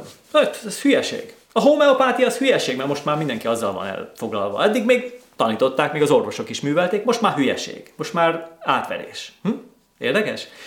Szóval most csak egy dolgot mondtam itt sok közül. Tehát ilyen, ezek ilyen ártatlan dolgok, de amikor vannak ezek a nagyobb horderejű ilyen összeesküvés elméletek, chemtrail, meg na jó, már nem is mondok többet, mert van egy pár, akkor ez, ez nem fér be. Ez nem fér be abba a körbe, hogy én ezt megvizsgáljam. Hogy én elgondolkodjak ezen, hogy ez tényleg így van. Miért mondják őróluk azt, hogy ők a pénzügyi hatalom a világon? Hát vajon miért? Nem, nem jutok el ide, hogy én ezt elgondoljam. Mert mindenhol ezt hallom, mindenhol ilyen videókat csinálnak, azokat fordítják le, utána magyarra, és akkor ezekről olvasol ilyen blogbejegyzéseket, és akkor azt mondod, hogy te közömbössé válsz. Te tulajdonképpen közömbössé válsz. És én most, be, most az együttérzést, piramisról beszélünk, az együttérzés ugye a második szinten. Van nyitottságom, rendben, akkor megjelenik az együttérzés. Az együttérzés az mindenkihez szól, mindenkire rátekint, minden érzőlényre, nem csak a szegény kis nyugdíjasokra, akiket átverik az álhírportálok, nem csak azt, azt a jó embert, aki elveszíti most a válságban az állását, hanem azt is magában foglalja, aki a nagy összeesküvés elméletek központi figurája. Hoppá! Hát nem vagyunk részrehajlóak, mindenki belefér, aki él és mozog a mi nagy szívünkbe, az együttérzésünkbe. Nem akarok itt most dramatizálni, meg itt most elbagatelizálni sem dolgokat. Itt arról van szó, az együttérzés az egy beleérző képességet is jelent. Tehát én átérzem azt, hogy ő abban a helyzetben hogyan gondolkodik, hogyan gondolkodhat. Pontosan nem tudhatom, de hogyan gondolkodnék én az ő helyében? Tehát ha már ezt a játékot elkezdem játszani, akkor már kimozdulok az én saját kis dobozomból, amit fölépítettem fáradtságos munkával az életem során, és én már lassan 50 évet csinálom ezt a dobozépítést, de most már elkezdtem lebontani ezt a dobozt, na még csak 48, jó? Tehát azért még bízom benne, hogy perspektíva van előttem. Hm, fogja szavamon. Szóval, kilátok-e ebből a dobozból? Az együttérzés révén megtehetem. Áthelyezem magam mondjuk az összesküvés elméletek egy elmélet központi figurája helyébe. És akkor azt mondom, hogy basszus, hát én ilyen elméleteket fogok terjeszteni, sőt, sőt, hát nem is merek mindent elmondani, ami valójában történik, hanem csak a felét mutatom meg az embereknek ilyen elméletek formájában, ilyen elméletírók, terjesztők formájában, elmélet influencerek. Hm, majd ők viszik a hírét, majd megfizetem őket. Mert nyilván nekem van pénzem, sőt, annyi pénzem van, amit akarok, mert én nyomtatom őket. Hoppá! Hm? Akkor az embereknek elegük lesz ebből. Immunissá válnak. Azt mondják, hogy ez hülyeség. Ez nem. Lesz még egy kis, két kis csoport, akik a Facebookon lelkesen megnyomják a megoszt gombot. Figyelj, ez így van, az úgy van, az amúgy van, de nem zavarnak vizet. És én pedig végezhetem a magam kis összeesküvését szépen csendben, nyugodtan. És majd nyomtatom a pénzt, és majd szórom az égből a mérget, és soroljam. Ezek most játékok a szavakkal, oké? Okay? Nem tudom. Fogalmam sincs. Nem vagyok ott. Nem hívtak meg egy-egy ilyen ülésre.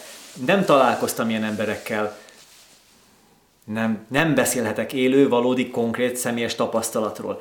Csak arról, hogy igyekszem nyitott lenni. Igyekszem együtt érezni, igyekszem megerősíteni saját magamat, hogy egyre erősebb legyen az önbizalmam, a saját magammal való mély belső kapcsolatom, az a mély belső bizalom, az meglegyen, és tudja kapcsolódni másokkal és a világ minden jelenségével, tisztán, érzelmi befolyás nélkül hogy úgy cselekedjek, ahogyan az ebből spontán felkel, a megfelelő szándék szerint, és olyan hatást érjek el, amilyen hat, visszahatást én szeretnék ezáltal. Mert nyilván ma nem vagyok hülye, szeretnék magamnak jót, tehát akkor jót fogok tenni. Erről szól a kommunikációs piramis. Röviden most ezt el is mondtam újra.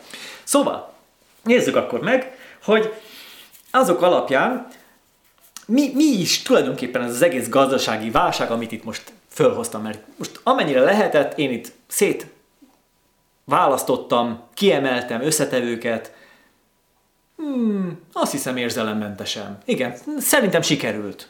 Nem tudom, te ezt így a hallomásod alapján, ahogyan engem hallottál vagy néztél, hogy ez szerinted sikerült-e? Én úgy érzem, hogy sikerült, tehát próbáltam objektíven rátekinteni erre a helyzetre. A kulcs megállapításom az az volt, hogy ugye nincs véletlen, tehát a, nincs véletlen, nincs véletlen, hát ezt már kifejtettem. Ami történik, az szóval van mögötte terv. Tehát ezt csak ezt akartam ezzel elmondani, tehát én is, amit csinálok az én kis vállalkozásomban, ami még csak a porszemnek az egy milliómod része sem, így a nagy egészhez képest, hát ott is komoly terv és komoly összeesküvések vannak. Hát én is összeesküdtem, érted? Hát ha nem is ellened, de érted. Tehát ha most csak arra gondolok, hogy ez egyszerű, amit te nem látsz, most megnézed ezt a videót, és akkor, ha még nem vagy feliratkozva a csatornámra, akkor holnap majd följössz a YouTube-ra még egyszer, vagy még ma este, akkor az én videóim közül majd ott oldalt fog ajánlani neked egy következő videót, ami a YouTube szerint, aki nagyon okos és nagyon tudja, hogy mindenkinek mi a jó, ajánl olyan videókat, ami számára megfelelő és az én csatornámból is fog ajánlani. Tehát tulajdonképpen elősegíti, ezt hívják remarketingnek, egy ilyen automatikus remarketing rendszer működik a YouTube algoritmusában, és ajánl neked olyan videókat, ami vélhetően jó lesz neked, ami véletlenül tetszeni fog, és előbb-utóbb az elkötelezettségedet növeli. Azért, hogy hát, ez a faszi nem is olyan hülye, mint amilyennek kinéz, megnézem azt a videóját is. És akkor a következő alkalommal, amikor szintén földob egy ilyen videót, mert látta, hogy már kettőt néztél tőlem, földob egy következőt, hm, szia, hm. Egyre kevésbé tűnik ez hülyének. Megnézem ezt a videót is. Megnézed? Annyira szimpatikus leszek neked, hogy megnyomod a feliratkozás gombot, sőt, mi több, a csengőt is megkongatod mellette, hogy értesítést kapj a következő videókról, amiket föl fogok tölteni, és egyre többet föltöltök, egyre jobb témákban, és akkor te boldog leszel. Na most, hát ez a célja a YouTube-nak, hogy minél több időt tölts el ott, és minél erősebb elkötelezettségeket építs. És a jó tartalomgyártókat, hát bízom benne, hogy engem is oda sorol, előbb-utóbb, akkor őt fogja ajánlani. Ez egy összeesküvés. Ez egy összeesküvés. Egy titkos hatalom, a Google, aki a YouTube mögött van, az minden tudását, minden intelligenciáját, és ott nagy az intelligencia, a mesterséges intelligencia, beveti annak érdekében, hogy te minél több időt tölts el a YouTube-on, boldogságban, nagy elégedettségben, mert nyilvánvaló, különben nem jössz ide, hát elkatintasz, Hát te azért nagy király vagy az interneten, legalábbis azt hiszed, hogy kattintasz oda, ahova te akarsz. Nem, nem oda kattintasz, ahova te akarsz, ahova mindenki más akarja, de ez az összeesküvés része. Hát ezt kell elfogadni, és ezt kell belátni. Ilyen egyszerűen működik a világ. Összeesküvések sorozata van. És én is ott vagyok ebben az összeesküvésben. Én az eszköze vagyok ennek az összeesküvésnek. Hm. Szóval így kéne akkor rátekinteni. Ez most nagyon általános és ilyen kis vicces helyzet volt, de hát nem vicces, mert jó helyzet, ez tök jó. Tehát ez, ez nagyon jó. Tehát ez, ez, ez jó. Viszont mindenki nyer vele. Viszont azok az összeesküvések, amelyekről lehet hallani, és amiket mi úgy tekintünk, hogy hát ez humbuk, vagy ilyesmi, ha megvizsgáljuk, akkor azért vannak benne logikus összefüggések, amiket úgy kiókumulálhatsz, hogy hát azért ebben van valami. Hm, nem hittem volna. Tényleg, tényleg, mondd ez valamit.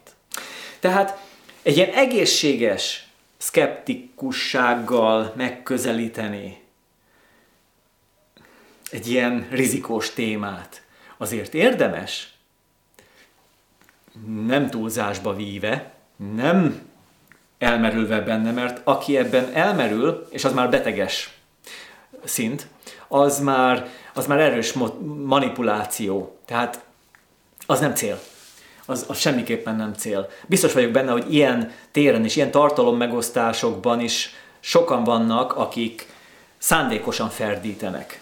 És akkor ott, hát ha gyártják a politikáról, vagy a, az egészségügyről, vagy az épp aktuális karanténról, vagy bármiről a, az álhíreket, akkor most miért ne tennék, miért ne ferdítenék tovább az eleve meglévő összeesküvéseket, amelyeket mondjuk egy, az összeesküvésekben egy hivatalos vagy hiteles csatorna, akik mondjuk tényleg megpróbál tényszerű lenni, amennyire lehet, azt is még tovább műveli, és akkor tovább ferdíti, és magyarázza, és akkor kijön belőle valami új kontextus, és egy új konteó, és akkor azt megeszi a nép. Mert rá van cuppanva mert hiányzik neki, mert kell valami, hogy az, az, az életét, az üres életét valamivel ki tudja tölteni, és akkor ilyen hülyeségekkel tölti ki. Látod, itt, itt van az, amikor megint csak azt mondtam, hogy a médiának a vizsgálását, azt, azt a médiához való hozzáállást, ez a kettős hozzáállás, ez, ez ott legyen, folyamatosan ott legyen. Tehát ne, ne vigyük túlzásba, nézzünk, nyitott szemmel járjunk, nyitottság, mindig ott van a nyitottság, de szűrjünk, megfelelő módon, és következtessünk. És tulajdonképpen ez a megoldás. Tehát következtetés által én egy megoldásra jutok. Tehát a következtetés az már maga egy megoldás, egy megoldás előkészítése, annak a része, hiszen az alapján fogok én reagálni. Az én válaszom az az lesz, hogy az alapján, ahogyan az összefüggéseket felismertem, van egy belátásom, és akkor hozok egy döntést, és cselekszem. Hm? Ez a séma. Oké, okay. én azt hiszem, hogy nagyjából átmentünk itt a vizsgálódáson, az alap vizsgálódáson, tehát a tényszerű rálátáson, de talán mégsem. Mégsem.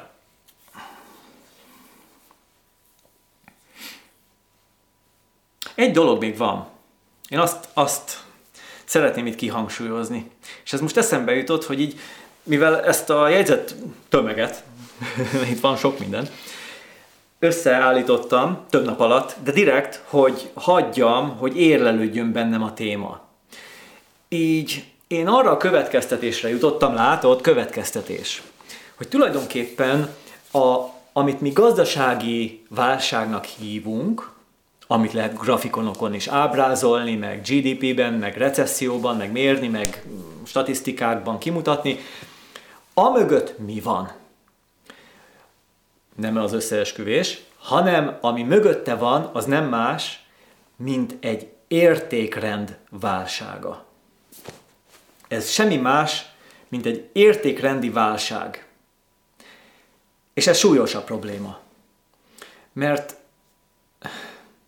mert az értékrend az alapvetően meghatároz, az egy, az egy mögöttes dolog, ez egy mögöttes rendszer, ami meghatározza a felületes szinteket, tehát ahogyan építjük a világot, ahogyan viselkedünk a világban. Így egyszerűen fogalmazva. Tehát amilyen a gazdaságunk, olyan a társadalmunknak és a, társadalmunk vezetőinek, hatalmainak, érdekcsoportjainak az értékrendszere. Tehát az, hogy klímaválság, akár tagadják ezt, akár nem, mm, légszennyezés, a föld kihasználása, a, az ásványkincsek, stb. stb. Az állatvilág, környezetvédelem. Tudod jól, hogy miről kell itt, beszélni. Van egy listája ennek. Emögött egy értékrendi válság húzódik meg, ami társadalom szintjén lemérhető. Viszont föl kell tenni akkor a kérdést, hogy így mi a megoldás. Hát először is van egy rövid távú megoldás, és van egy hosszú távú megoldás. A rövid távú megoldás az ugyanaz lesz, mint a korábbi gazdasági válságoknál. Elkezdenek a kormányok pénzt nyomtatni, pumpálnak a gazdaságba, jönnek a úgynevezett fiskális politikákkal, meg különböző megoldásokkal, mentőcsomagokkal, ugye amit most, most nem a bankoknak fognak tolni, hanem már az mondjuk szerintem már, már jobb legalább, így legalábbis látszat szintjén és megoldás szintjén én is most azzal próbálom magam vigasztani, legalább a gazdaságban, tehát a gazdaság szereplői, főleg a kisvállalatok, a nagyok is, de a kisvállalatok felé egy kis segítség, könnyítés, hogy a járulékokat elengedik, terheket, a hitelek, ugye a bankokkal is most egyezkedés lesz, hogy akkor a hiteleket hát nem engedik el, hanem csak kicsit elodázzák, hogy később kelljen törleszteni, ami szerintem csak annyi lesz, hogy akkor még több kamatot tudnak szedni, mert az majd szépen halmozzák, ugye, mert a bankok se hülyék. Szóval a lényeg, hogy szóval van valami, ami, ami egy rövid távon, mert ez az azonnali meg, ez a tűzoltás. Tehát ez a rövid távú megoldás, ez a tűzoltás, ezt, ezt lehet látni. Ebből akkor, aki befektető, és tőzsdei szakember, és, és közgazdász, ő rögtön látja, hát remélem, hát nem mindenki, de azért akik értenek hozzá, és egy kicsit nyitottabbak az átlagnál, látják, hogy ez hol vezet. És ez oda vezet, most ezt én következtetem ki, ez oda vezet, mert egyszerűen nem is tehetnek mást rövid távon, így megoldás szintjén. Ez oda vezet, hogy ez a rendszer fenntarthatatlan. Tehát ez egyszerűen nem működhet az idők végezetéig.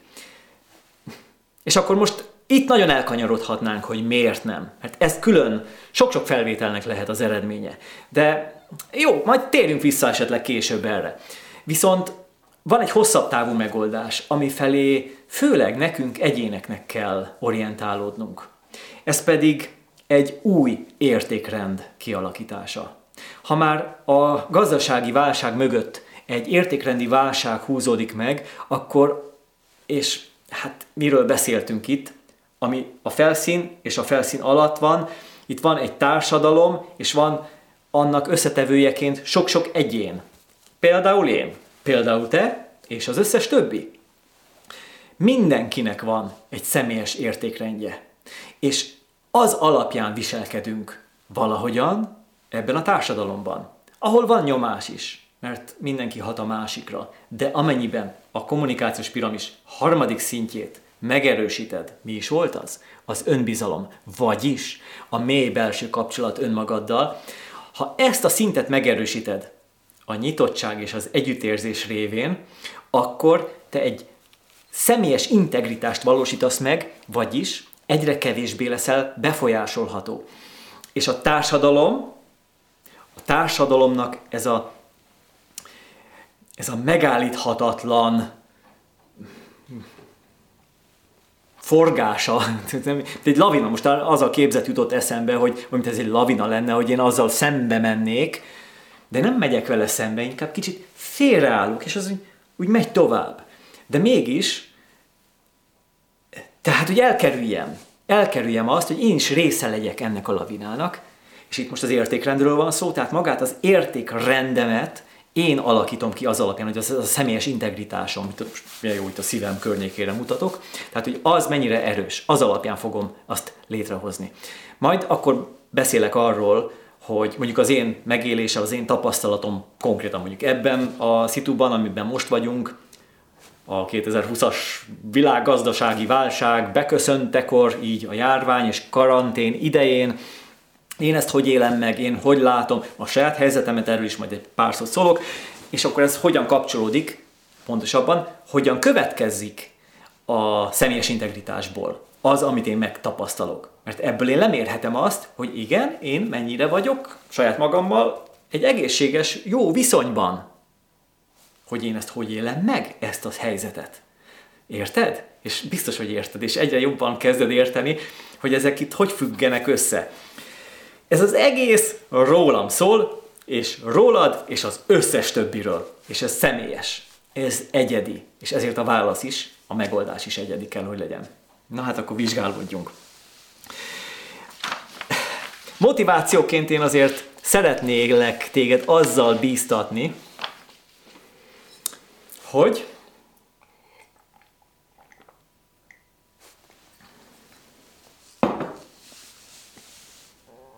túl fogjuk élni.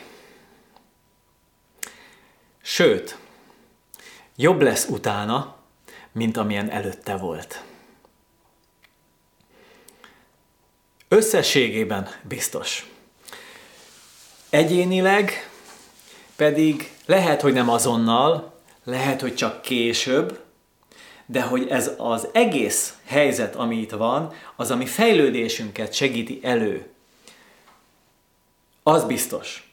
Lehet, hogy ezt nehéz elfogadni akkor, amikor pont elveszítem az állásomat. És akkor most hogy járul hozzá a, a fejlődésemhez? Mondok én erre majd mindjárt később egy, mindjárt később, kicsit később, jó?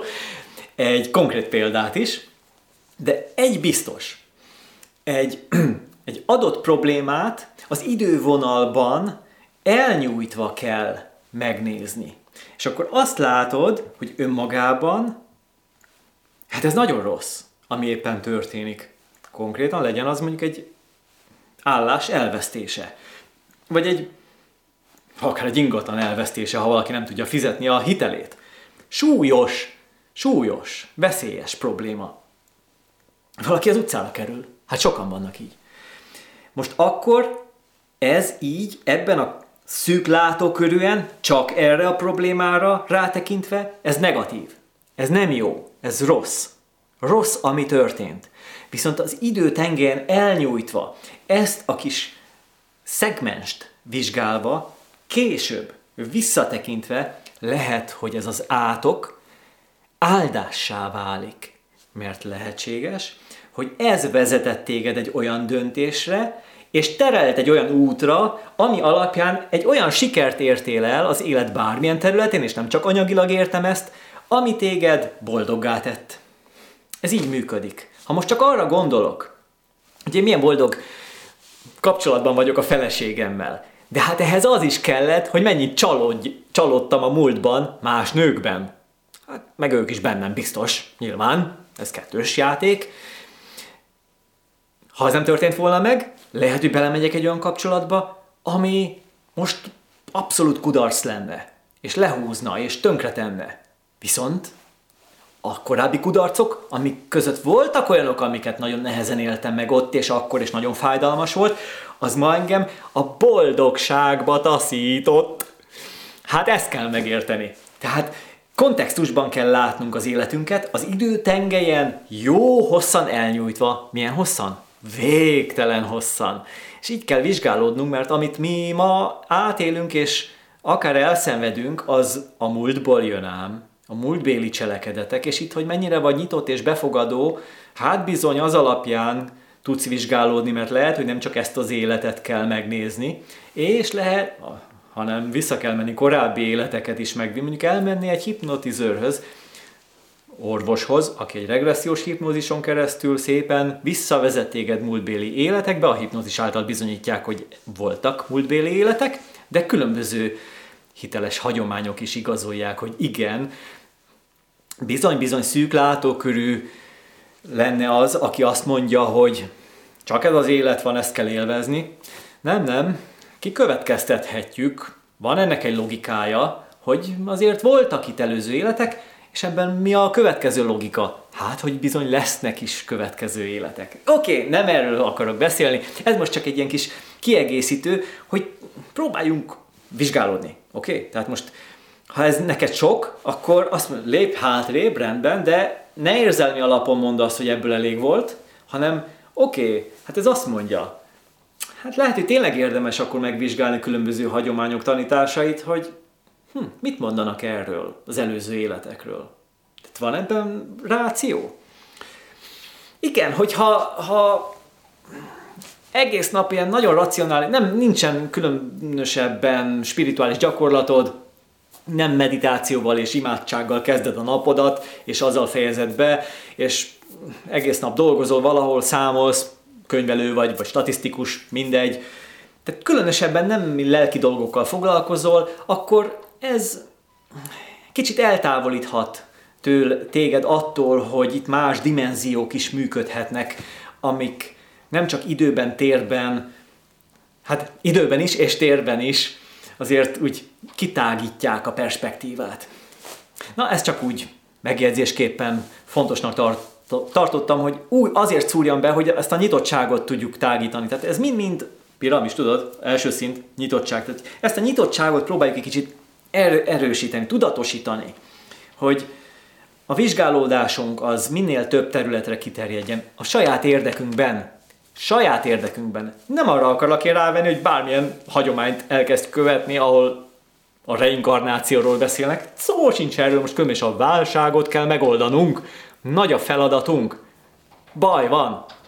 És lehet, hogy még nincs baj, mert neked éppen nincs baj, hanem csak a szomszédodnak van, a, van baja az állása elvesztésével, de ki tudja, hogy mit hoz a holnap. Tehát tehát, tehát súlyos a helyzet, tehát nem vagyunk biztonságban. Tehát ezt kell belátni. Nem, nincs biztonság. Tehát olyan labilis ez az élet, hogy egyik pillanatról történik valami a, a következőre. Amikor a német turista Tájföldön a cunami előtt, ami volt jó pár évvel ezelőtt, ott gazdag német turista ott ült a, a, a tengerparton, és és boldog volt, és a részvényei jól teljesítettek, és a vállalata jól működött, családja van, boldog, egészséges, van pénze, nyaral, pihe, megérdemli a pihenés, és egyszer csak egy hatalmas nagy vízoszlop egyik pillanatról a másikra megjelent, és vége. Vége az életnek, vége ott annak, akár annak az egész szigetnek, és újjá kellett mindent építeni. Egyik pillanatról a másikra. Egy pár perc alatt lezajlik ez az egész folyamat. Hirtelen a mennyországból pokol lesz.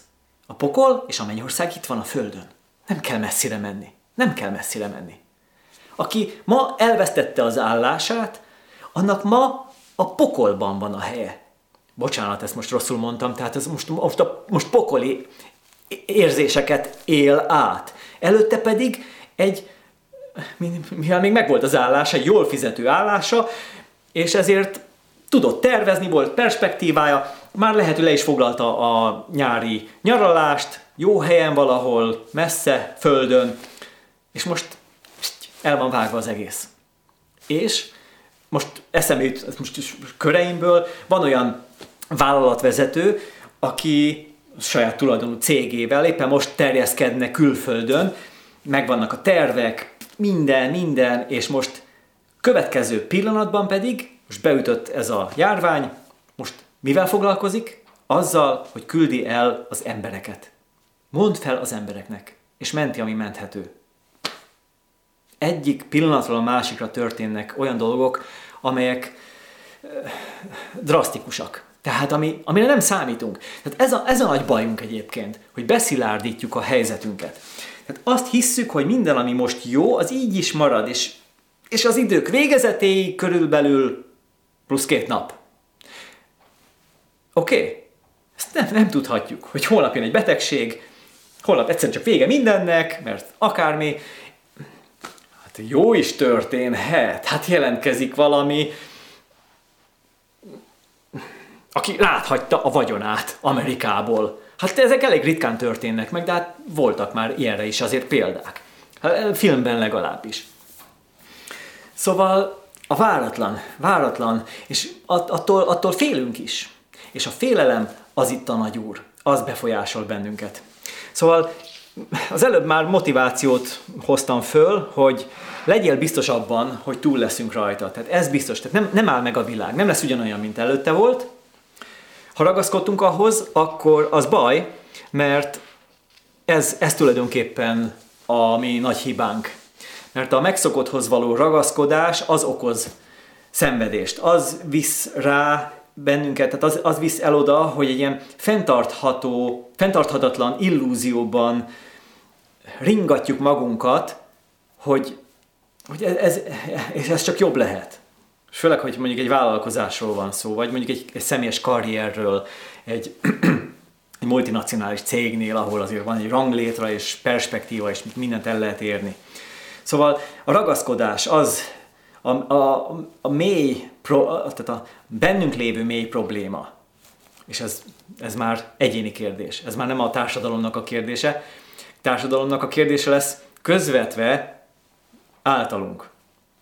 Mert mi közvetlenül megtapasztaljuk a ragaszkodást, és ez alapján döntünk. És ez alapján állítjuk föl a saját személyes értékrendünket, amit most bizony felül kell vizsgálni.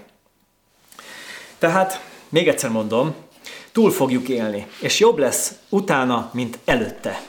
És ez a jobb lesz, ez nem feltétlenül rögtön másnap, lehet, hogy nem egy év múlva, lehet, hogy nem öt év múlva, ki tudja. Lehet, hogy csak tíz év múlva, lehet, hogy húsz év múlva, nem tudom. Ez egyéni kérdés. De ez biztos, hogy az opció az a tanulás. Tehát, hogy tanulunk-e belőle, és talán ez a legfontosabb, hogy mennyire vagyunk nyitottak, hogy tanuljunk belőle, mert minél inkább nyitottak vagyunk, annál jobban fogunk tanulni belőle, és annál jobb döntéseket fogunk tudni hozni, és utána pedig annál gyorsabban tudunk a személyes ütemünket felgyorsítva kijönni a kakiból, és megoldani a saját problémáinkat. Szóval ez, ez lesz a magunk módján történő probléma megoldás. Tehát ha azt mondom, hogy a válság az,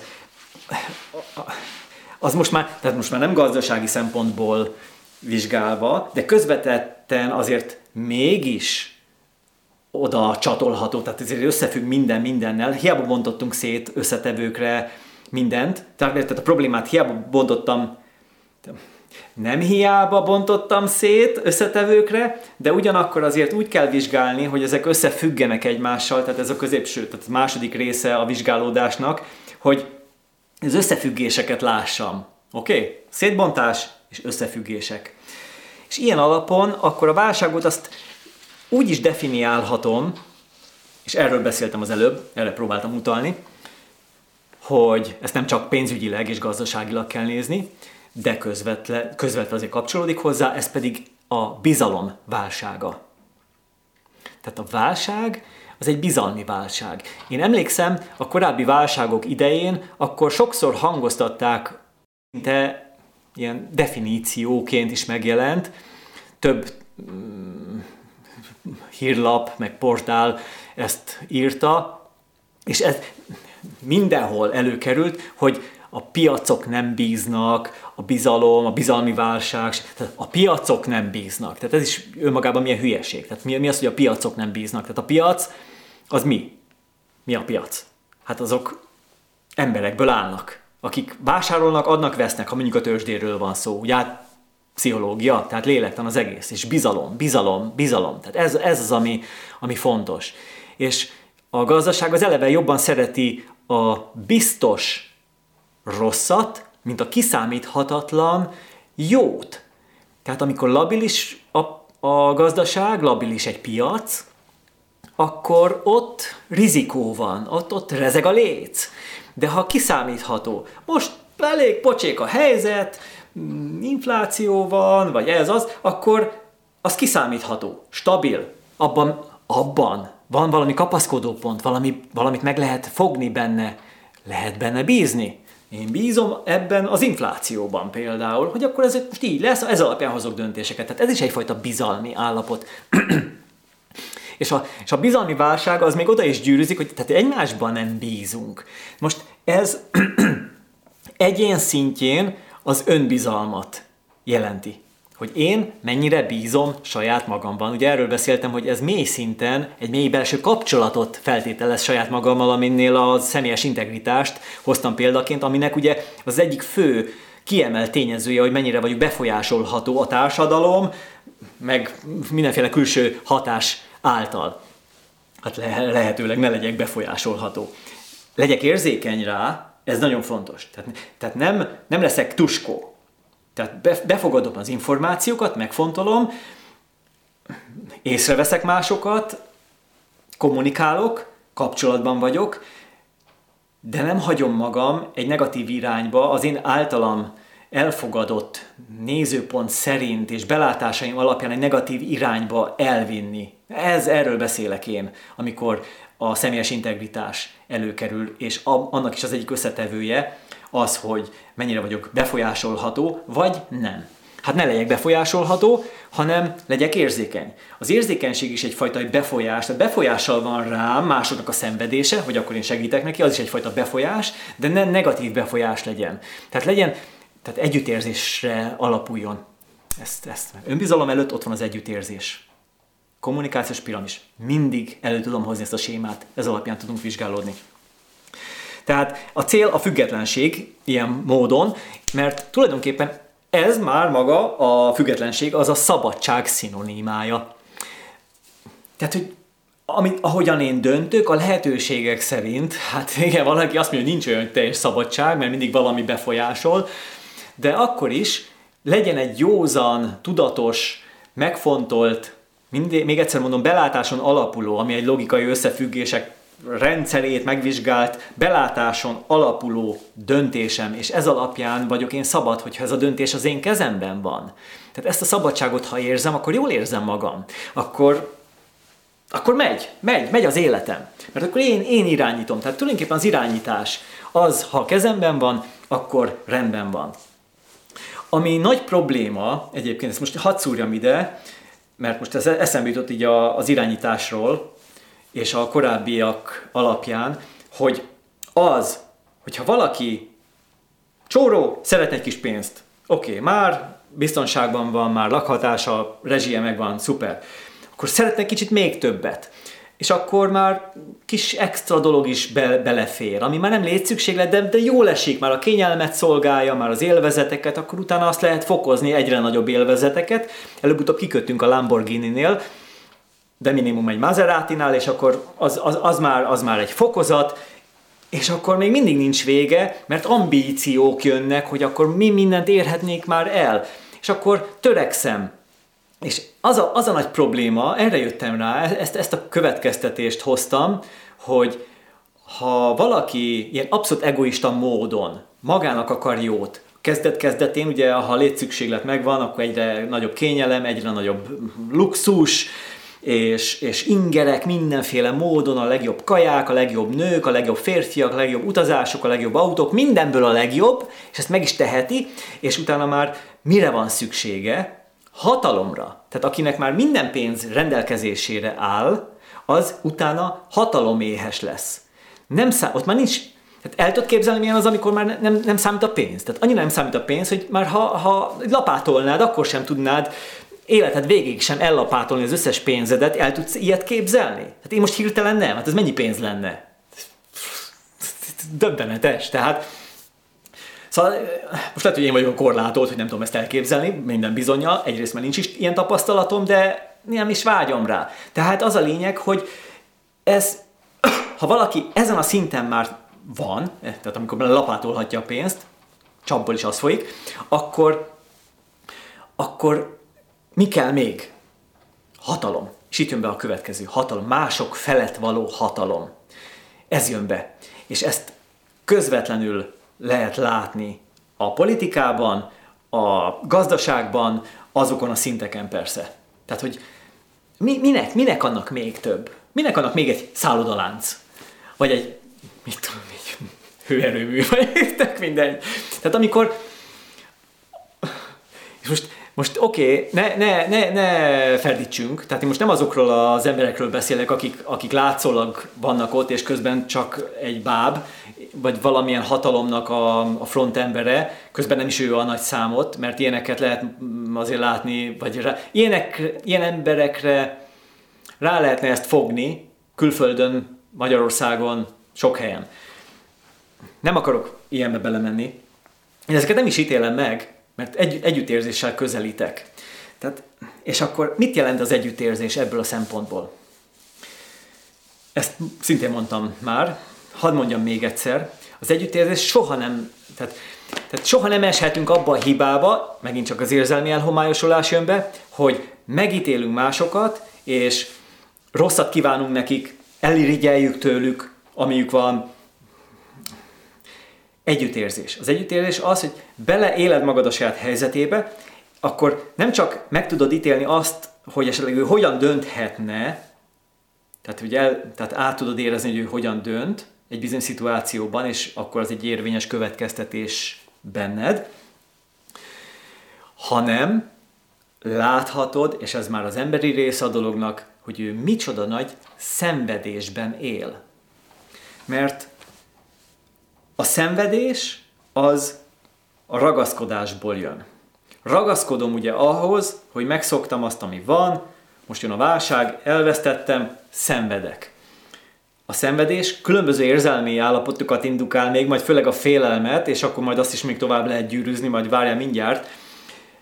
Most egyszerűen csak nézzük meg azt, hogy mindenki, aki valamivel rendelkezik, amit valamit birtokol, amihez ragaszkodik, ha azt elveszíti, legyen az akármilyen pici, akármilyen nagy, a szenvedést okoz annak megfelelő mértékben. Nekem itt van ez a kedvenc tollam, imádom ezt a zselés tollat, ilyen jó vékonyan ír, és nagyon jól lehet vele jegyzetelni.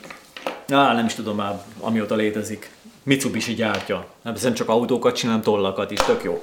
Ajánlom. Szóval ilyen, imádom ezeket. Imádom. Soha nem adám kölcsön, Soha. Volt, amikor kivették a kezemből, hogy akkor hadd írjon valamit velünk. Visszavettem, azzal ne írjál, mert olyan vékony kis hegye van, többen elrontották meg, meg ha leesik véletlen a földre, akkor már kampec.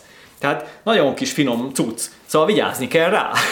Hát ez az én szenvedésem, az én ragaszkodásom, és akkor milyen szenvedést okoz, hogyha jó, ezzel most így poénkodok, mert most oké, okay, 300 vagy 500 forint egy ilyen, nem tudom, tehát most ez sem, és van egy pár tartalékban, hogyha esetleg véletlenül lejteném, vagy valaki kivenni a kezemből, és nem adná vissza. Tehát ezt, ezt a problémát akkor megoldom. De azért vannak nagyobb horderejű problémák is, amikor mondjuk valaki a világúra, ha ilyen összeesküvés elméletből gazdálkodjuk ki a vizsgálódásunkat, akkor arra a következtetésre jutunk, hogy de nem kell a világurának lenni, hanem mondjuk csak egy nagy cég vezetőjének, vagy egy nagy birodalom, egy befektetési portfólió, vagy, vagy egy nagy, nagy egy, egy, egy nagy társaság vezetője például. Tehát, hogyha egy ilyen emberről van szó, akinek sok van, ami az övé, amit az ő egójának a részévé tett, Hát egyrészt, amiről van papírja, nyilván hát az a, sok, mondjuk a vagyona, a házai, a befektetése, arról van papírja, de hát amiről nincs papírja, például a sok baráta, barátai, a kapcsolatrendszere, a, az elméletei, stb. azokat is mind magáévá teszi. Tehát tulajdonképpen, ha ezeket elveszíti, igen, még az ilyen elméleteket is el lehet veszíteni, mert lehet, hogy csalódik benne, és akkor azt ugye elveszíti. Tehát az is szenvedést okoz. Tehát ezek ilyen finom rétegekben, különböző szinteken is megnyilvánulhat elképesztő szenvedést okoz. Tehát el tudod képzelni azt, hogy valaki mondjuk milliárdos, hát bízom benne, hogy az vagy, ha vagy, mert vannak ilyen barátaim, akik, akik ide tartoznak ebbe a körbe. Most már egy milliárd, az nem, nem tétel, hát most össze lehet hozni gyorsan egy jó vállalkozással, belátható időn belül. Tehát akkor most azt hirtelen elveszíteni, és most itt benne vagyunk egy ilyen szituban, ahol ez megtörténhet, mert bezár a bolt, akkor az egésznek lehet, hogy annyi, le, lehúzzuk a rolót, talán még mentjük, ami menthető. Tehát már nem külföldre terjeszkedünk, hanem már mentő akció van, tűzoltás. Hát az, az, az döbbenetes nagy szenvedést okozhat. Én nem érzem ezt. Én most csak próbálom beleélni magamat egy ilyen helyzetbe. Kicsi dolog bizsereg, és ar- arra, arra jutok, hogy tehát ez nagyon nehéz, és akkor most rögtön gondolok a saját vagyonomra, ha azt veszíteném el, hú, hát rossz lenne, hát nagyon rossz lenne. És akkor ennek mértékében az a sokkal több, amivel más rendelkezik. Most akár megérdemli, akár nem, akár lopta, akár öltélte érte, akár örökölte, akár keményen megdolgozott, és az egészségét is elvesztette miatta, mindegy. Most ne ezt nézzük, hanem azt nézzük, hogy neki volt valami, vagy van valami, és azt elveszíti. A ragaszkodás okoz szenvedést. Ezt kell belátni. Ragaszkodás. És ezt kell lazítani. Teljesen felszámolni nem tudjuk. Olyan nincs. Majd a halálunk pillanatában, hát még ott is lesz ám kemény ragaszkodás, mert ott a testünkkel lesz majd problémánk. Szeretnénk azt még visszakapni, de már nem megy. De most mindegy. Szóval a lényeg az, hogy amikor majd az az önazonosság, amit mi magunknak gondolunk, hogy mi kik vagyunk valójában a világban, minek látjuk magunkat, ez az én kép, hogy mit, tákoltam össze magamnak, aminek hiszem magamat, így az évek során, ez felbomlik, ez el, el, elenyészik. Majd akkor kezd szűnni a ragaszkodás. Mert akkor már nincs mi, ami ragaszkodjon, mert egy téves, egy téves, labilis, lényegében nem létező, nem beszilárdítható önazonosság az, ami ragaszkodik. Itt ez a nagy probléma. Tehát az, amit én magamról gondolok, az birtokol dolgokat. Manherz József birtokolja a mobiltelefonját, a kameráját, a hangrögzítőjét, az állványt, ami rajta van, meg azt a kanapét is. Meg még a számítógépet is ide hoztam, mert hát, ha gondoltam eszembe itt valami, amit, amire rákeresnék itt a beszélgetés közben. Na, tehát ahhoz is ragaszkodom, szeretem, megbecsülöm, de ragaszkodom hozzá, tehát fájna, ha most elvennék. Hát nem lennék öngyilkos, de fájna. Tehát azért az, akkor utána kéne venni egy újat. Már maga a vétel is, még ha megvan rá pénz, mert az is fájdalmas, mert akkor meg kell keresni, hogy most melyik a legjobb, amint számomra a legjobb, a céljának megfelelő. Tehát az a baj, hogy, hogy ilyen szenvedéspontokat hozunk létre, én hozok létre, és akkor az alapján ítélem meg saját magamat, az önazonosságomat, ez mind-mind beépül, tehát ez egy állandó mm, ilyen fortyogó folyamat. Szóval tudatosságra kell emelni ezt a folyamatot, és akkor van kiút, van kiút. Az igazi kiútat egy megfelelő spirituális hagyományra bízom, annak a követésére, nem ebben a videóban fogunk erről foglalkozni, vagy ezzel, hanem majd, majd akár máskor is meg előjön ez a téma azért sokszor. Egy a lényeg, hogy haladjunk a megoldás felé. És azért úgy érzem, most már kezdtünk egyre jobban közelíteni felé. Tehát az önbizalomnál tartottunk, bizalomvesztésnél, ami ugye a társadalomban most fönnáll, és milyen érdekes ez a dolog. Tehát ugye most a, ez a vírus, ez, ez, ez királyi rangban van, és ő az uralkodó, ő, ő irányít minket, karanténban vagyunk, Hát nem véletlen. Ez, ez, a, ez a karantén sem, mindegy, most a vírus nem fogom ismét előhozni, bár most megint el, előjöttek ilyen újabb információk ezzel kapcsolatban, meg ilyen fölismerések főleg, hogy ennek mi a helye most itt ebben a szituációban. Egy biztos, most úgy tekintünk az emberekre, így bezárva itthon, hogy ellenségek fizikailag, nem akarunk velük találkozni, tiltják a találkozást velük, tartsuk a távolságot, ugye minimum másfél méter, azt mondják, meg hát most már hangsúlyozzák is, hogy arcmaszkot nem kell hordani a, az egészséges embereknek, úgyhogy ezt a, ezt a kis mm, biztatást továbbadom, tehát annak semmi értelme, hanem inkább hagyjuk azoknak, akik egészségügyi dolgozók és betegek, mert őket védi meg, meg hát végül is, hogy ne terjedjen jobban ez a baci, nem, bocsánat, vírus. Szóval így, ilyen formán van egyfajta ilyen ellenségeskedés, ez is egy ilyen bizalmatlanságot kelt, hogy fizikailag, másokkal, legfeljebb a szomszédot így köszöntjük messziről, de közelebb már nem, és ugyanakkor meg, ez ilyen ellen, érdekes ellenmondás, tehát azért mégsem vagyunk ellenségek, mert az interneten keresztül meg összejöttünk, tehát online, így beragadtunk most egy ilyen online virtuális világba, ahol találkozunk, és most az ilyen csetelős, videós platformok főleg, tehát ezek most, most így, így hirtelen csúcson vannak. Úgyhogy össz, szét, szét is választ minket, de össze is hoz minket. Más módon hoz össze minket, mint ahogyan azt talán szeretnénk, és ez megint csak önvizsgálat tárgya, hogy megnézzük, hogy mi hogyan reagálunk erre. Tehát, hogy én, én hogyan vagyok ezzel a szituációval. De akkor erről hamarosan. Szóval a személyes integritás, ez jött még föl. Én ide fölírtam magamnak ennél a résznél, hogy, a, hogy öntesztet kell végeznem, hogy egyáltalán hogy, hogy vagyok ezzel. Tehát ugye itt az előbb is mondtam, tehát hogy magában ebben a karanténban, de a munkával kapcsolatban, amit csinálok, a kapcsolataimmal kap, kapcsolatban, és hát az értékrendemmel, ami ugye már az életvitelemet meghatározza, tehát lényegében az életvitelem felülvizsgálatát is érdemes behozni a képbe. Személyes integritás, Ez a ne továbbja ennek a helyzetnek, mert ezzel kell igazán foglalkoznunk, és ez kapcsolódik szorosan össze az önbizalommal, ami egy mély belső kapcsolat magammal, tehát hogy egy ilyen bensőséges, mély, mély kapcsolat. Jó, jóba legyek saját magammal, mert ha ez megvan, akkor jöhet akármilyen karantén, de akár még egy egyszemélyes zárka, nem számít, akkor én ugyanolyan boldog leszek, mintha emberek között lennék a barátaim között. Tehát ezt ugye nehéz elfogadni egy olyan nézőpontból, ahol erős a kiszolgáltatottság másokkal való kapcsolatban. Tehát egy társfüggőség. Most nem csak a, egy, egy társra gondolok, hanem egyáltalán emberek között lenni. Tehát folyamatosan emberek között lenni. Szóval most kaptunk egy... Hadd nem mondjam akkor ezt én többes számba. Mert én nem... Én, mert, mert nem nagy képviség, de én nem, nem, nem tartozok a fejre koppintottak közé. Mert nagyon szeretek egyedül lenni az a helyzet, és ha és akkor már ezzel így egy kicsit rá utalok arra, hogy tulajdonképpen én, én hogyan is állok ezzel a helyzettel. Tehát én jó vagyok saját magamban. Jól vagyok. Most engem a karantén annyi, annyira nem érint, hogy én két éve karanténban vagyok. Két évvel ezelőtt, most áprilisban lesz két éve, hogy a, az utolsó tréninget, nyilvános beszéd és retorika tréninget megtartottuk, és azóta én gyakorlatilag itthon vagyok egyfolytában.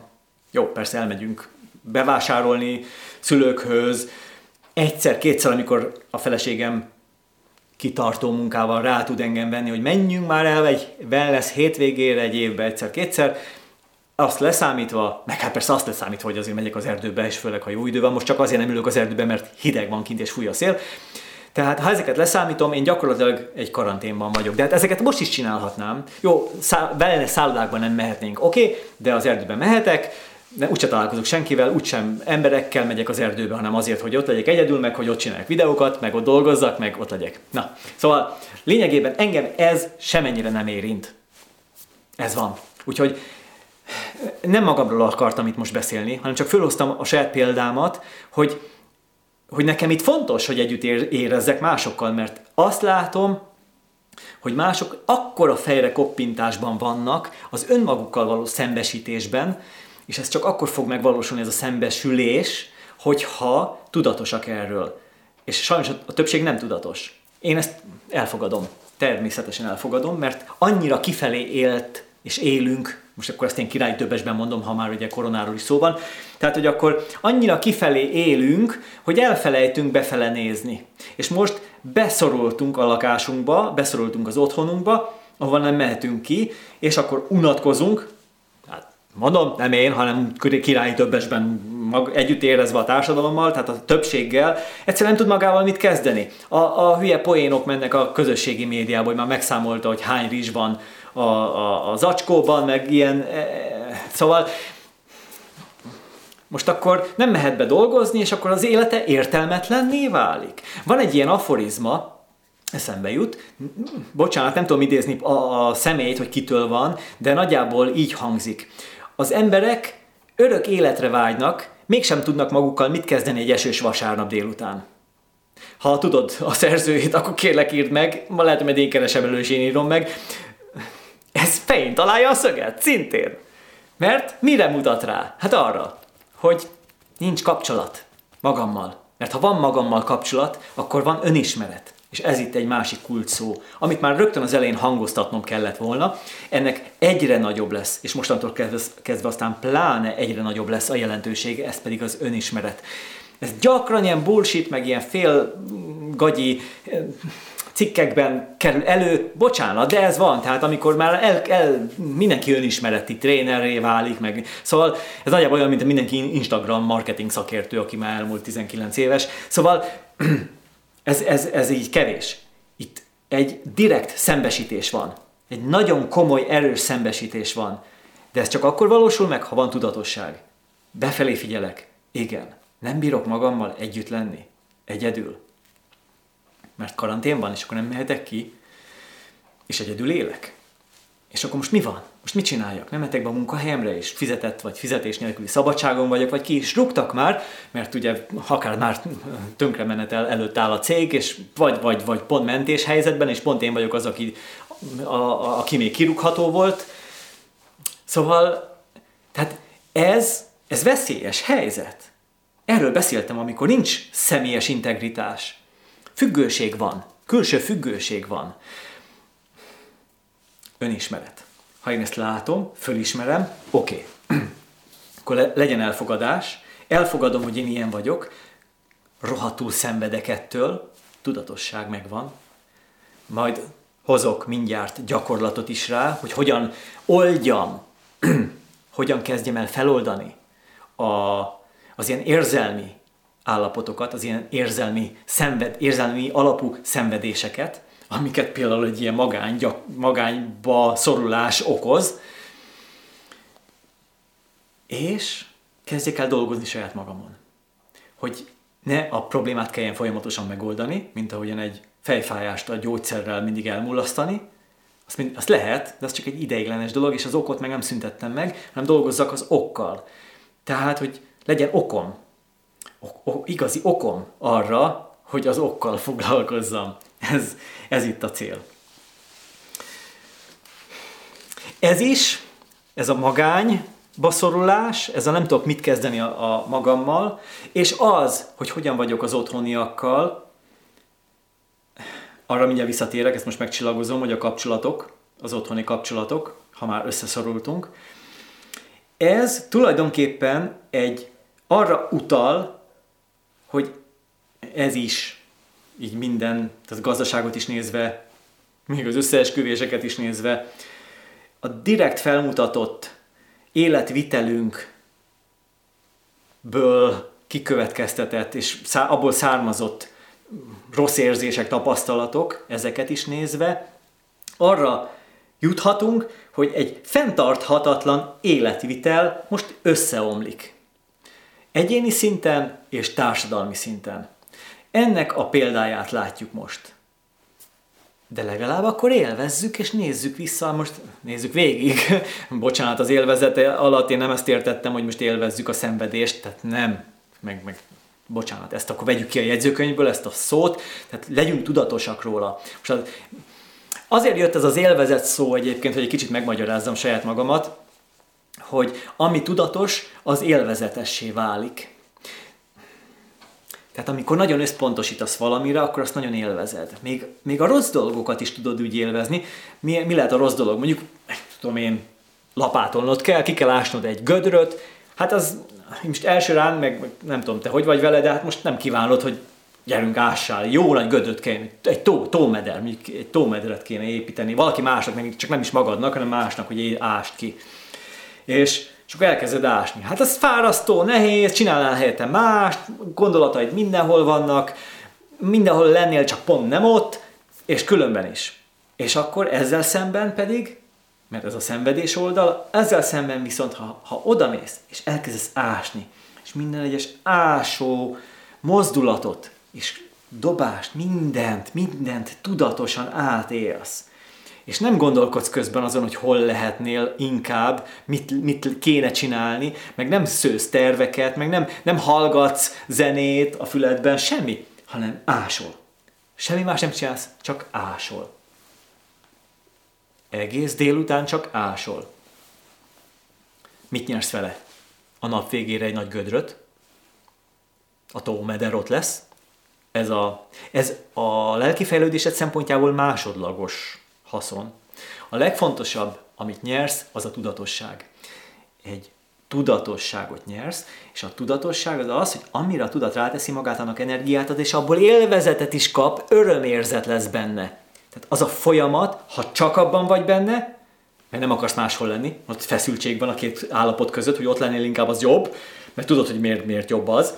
Ehelyett itt vagy, ez fárasztó, ez akkor az a feszültség okoz szenvedést, nem az, amit csinálsz, hanem az a feszültség okoz szenvedést, hogy mást akarnál inkább csinálni. De ha benne vagy az ásásban, akkor nincs feszültség, mert akkor ott akarsz lenni, tudatilag ott akarsz lenni. És még csak nem is azt nézed, hogy majd lesz egy tavad, mert lehet, hogy inkább a szomszéd kért meg egy korábbi neked végzett szívetség eh, miatt, hogy ásd már ki neki a tavát, tehát hogy ne, ne is a te hasznod legyen az a tó, soha nem is fogod látni, utána besenged a kertjébe, és a kerítése is akkor, hogy be se látsz. Szóval a lényeg, hogy ott ásol valamit, egy, egy gödröt, egy tómedret, De az ásás maga ezáltal, hogy ott vagy abban a folyamatban, abban a cselekedetben, azáltal örömtelivé válik, és akkor ez volt a megmagyarázása annak, és ezt majd ezt a példát még vissza fogom hozni mindjárt, más miatt, a megoldást keresve, hogyha benne vagy tudatosan abban a folyamatban, ami itt zajlik, most válság 2020 címén, hogy látod, hogy mi minden történik, hogy fortyog a gazdaság, hogy alakul a társadalom, akkor ez a járvány, akkor minden, minden. Tehát maga ennek a folyamatnak a tudatossága is, hát azt, azt kell, hogy mondjam, hogy mivel a tudatosság megvan, ez számodra egy jó érzést okoz. Nem az, ezt hangsúlyozom, nem az, hogy ami történik, hogy mondjuk rossz dolgok történnek, hanem annak a, abból, tehát arra rátett tudatosságot, hogy arról te tudsz, az okoz benned jó érzést. Hogy te erről tudsz, hogy a tudatosság megvan, mert azt a tudatosságot át tudod tenni az ásásra később. Át tudod tenni egy írásra, amikor írsz mondjuk egy blogbejegyzést, vagy készítesz egy videófelvételt, akkor a tudatosságod ott lesz. Vagy programozó, vagy írod a programokat. A tudatosságod ott van. Ahol a tudatosság ott van, ott van a jó érzés. Ott van az élvezet. Erről ezt akartam csak kihangsúlyozni, hogy nehogy összemossuk, hogy nem azt élvezed, hogy gazdaság megy tönkre, és emberek vesztik el az állásukat, és lesznek utána öngyilkosak, stb. Tehát nem, nem ezt élvezed, nem az eredményt élvezed, hanem azt, hogy te tudatos vagy. Elfogadható? Kimentettem magam? Köszönöm szépen. Együttérzésről beszéltem eddig, hadd maradjak meg akkor ebben a tudatosságban. Tehát az együttérzés az kritikusan fontos. A saját személyes jól létem, érzelmi jól létem szempontjából, és azért is, hogy utána én az alapján jó döntéseket tudjak hozni. Jó, jól tegyek, jót tegyek, és nyilván az úgyis jó visszahatása lesz én rám. Ez az alap felállás.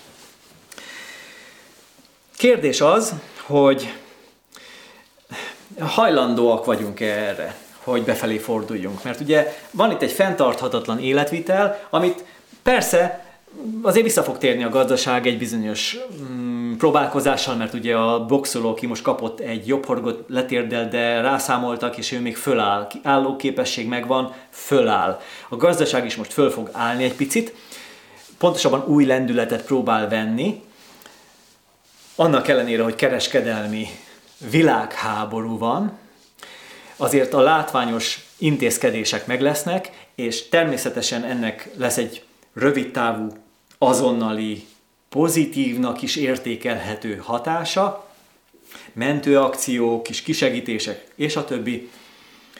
Hosszú távon ez fenntarthatatlan, ez nem működhet így tovább, ezt nem én mondom, ezt a nagyon komoly szakértők mondják, hogy ez, ez a berendezkedés, ez a folyamat, a kapitalizmusnak ez a fajta megnyilvánulása, és ennek mindenféle ideológiákkal megtámogatott működtetése, ez mennyire nem működhet a végtelenségig, és kötelező érvényűek a gazdasági összeomlások, és, és azt is mondják, hogy, hogy a mostani az a, a, a száz évvel ezelőtt, hát igen, majdnem száz évvel ezelőtt volt, vagy 90 évvel ezelőtt, tehát hogy akkor az akkori nagy gazdasági világválság idejéhez képest még nagyobb lesz, tehát mondanak mindent, nem kell bedőlni az ijesztegetésnek, ne hagyjuk magunkat, ez érzelmi befolyásolás, ez a médiának a dolga, legyünk együttérzők velük, a médiával is, igen, legyünk együttérzőek a politikusokkal is, igen, akik sokat veszíthetnek, mert sokat raboltak, legyünk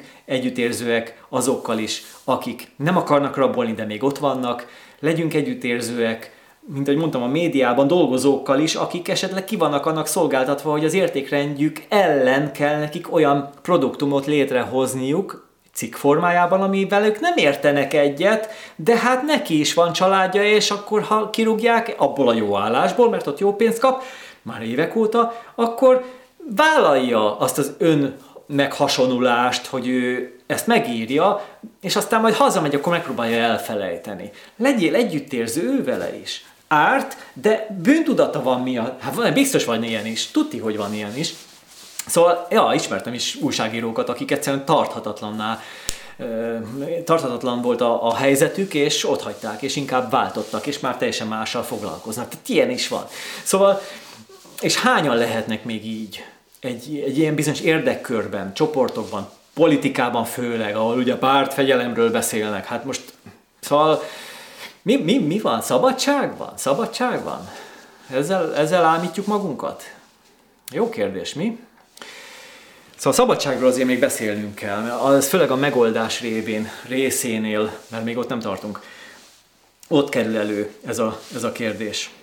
Hogy, hogy hogyan, hogyan tudjuk a, a saját személyes szabadságunkat megvalósítani. Ha már a nagy világ szabadságot nem tudjuk előidézni, mert ez, ez még senkinek nem sikerült, nagyobb hatalmú embereknek sem, de hogy mi magunk a saját kis életünkben, a saját kis univerzumunkban hogyan tudjuk ezt megvalósítani. Na, e felé haladjunk tovább.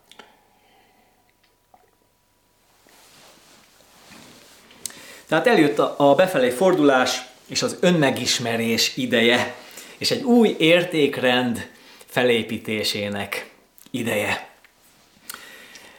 Egy, egy válság, ami mindenféle válság, egyéni, gazdasági világszintű válság, vagy csak egyéni személyes válság, akár családon belül, vagy akár személyen belül, az mindig lehetőségeket ad. Tehát lehetőségeket teremt az a, az a nagyszerű, hogy kimozdít egy megszokott életvitelből, egy megszokott állapotból, és ezért mondtam azt, hogy ezt kontextusba az időtengelyen jó hosszan elnyújtva vizsgáljuk, mert később majd rájövünk, ha jól döntünk, és tudatosságunk megmarad, akkor rájövünk arra, hogy az mennyire jó volt, és most ugye benne vagyunk ebben a bizonyos jóban, ami majd később lesz ugyan jó, de hát most kéne ebben valami a lehető legtöbbet kihozni ebből. Tehát, de mégis legyen meg, oké, okay, szóval legyen meg ez a tudatosság, és ez már akkor egy, meg, egy megoldás, egy biztatás, egy motiváció, hogyha neked éppen most nagyon nehéz, mert az állásodat vesztetted el, vagy, vagy a pénzedet, vagy szóval amikor tényleg nehéz a helyzet, akkor, akkor lásd azt, hogy minden rosszban van valami jó. Tehát később itt valami jót, mi, kér, tedd fel a kérdést most, mert most a radar üzemmódba tedd be az elmédet, hogy mi az a amire tanít téged ez a szituáció, ez a helyzet, és mi az a jó, amit megtalálhatsz benne, milyen irányba visz téged, és terel téged. Tehát ez is egyfajta ilyen útjelző tábla. A nehézségek azok erről szólnak, hogy terelnek bennünket valahova, és hogyha, vagy tudom én mondjuk egy Isten hívő vagy, akkor elfogadhatod azt is, vagy akkor a te hitednek megfelelően azt mondhatod, hogy hát ez mi, mi, mi, mi, mire akar engem Isten tanítani, ha Isten hívő vagy, vagy ha egyszerűen csak a, a karmában, az ok-okozat törvényében hiszel, akkor, akkor lásd be azt, hogy igen, hát ez, ahova most jutottam, ez a múltbéli cselekedeteimnek az eredménye, hmm, mi, mit tehetnék annak érdekében jót, hogy a jövőmet kiszépítsem. Mert ugye a mai cselekedeteim fogják meghatározni, hogy hogyan érezzem majd magam holnap, holnap után, egy év múlva, tíz év múlva, száz év múlva, vagy hát ameddig csak bírunk élni, vagy még azon túl is. Szóval ezt, ezt be kell látni. Tehát, hogy legyen egy ilyen tudattartás, egy ilyen hozzáállás, ami, ami azért képes erőt adni nehézségek idején. Hm? Tedd föl a kérdést, hogy mivel van dolgod. Nem tudunk mindent megváltoztatni. Látjuk, hogy milyen nagy bajok vannak a világban, és emberek szeretnének nagy változásokat előidézni, de képtelenek rá. És ez tehetetlenné teszi őket. Tehát pontosabban nem ez, hanem az az érzés, hogy tehetetlen, hogy nem tehet azért semmit, hogy a környezetet ne pusztítsák, hogy a levegőt ne szennyezzék, sorolhatnám. Tehát ez egy rossz érzést okoz, és ez tulajdonképpen engem bénít le, ha én ez ellen akarnék valamit tenni, de nem tudok, mert nincs eszközöm. Ha nem vagyok egy vezető politikus, ha nem vagyok egy nagy befektető, egy nagy gazdasági szakember, szóval hát nem, nem, az nem, nem, nem is az a gazdasági szakember, hát most, szóval egy nagy befolyásos vezető a világban, akinek nagy szava lenne, inkább így mondom, ha nem vagyok ilyen, akkor nem, nem tudok túl sokat tenni. Nem tudok ezzel ellen túl. Tehát nem tudok akkorát tenni. Nagyon sokat tehetek, Mert a tovább gyűrűző hatást kell nekem belátni az ok-okozatiság révén, hogy én amit teszek, az azért csak hatást gerjeszt, csak hullámokat gerjeszt a világban, és lényegében, tehát ezt kell megnéznem, hogy mi, mi az, amire nekem hatásom van. Így, így a munkám, a környezetem, és a, a kapcsolataim, és legfontosabb, önmagam szintjén. Tehát lehet, hogy a munkámat teljesen át kell alakítani. Ha mondjuk vállalkozó vagyok, akkor könnyebb a dolgom, ha alkalmazott, akkor nehezebb, mert ott a mozgástér kisebb, ott legfeljebb egy váltásról lehet szó, ha az úgy nem megy, főleg, hogyha elős is segítik ezt a váltást, de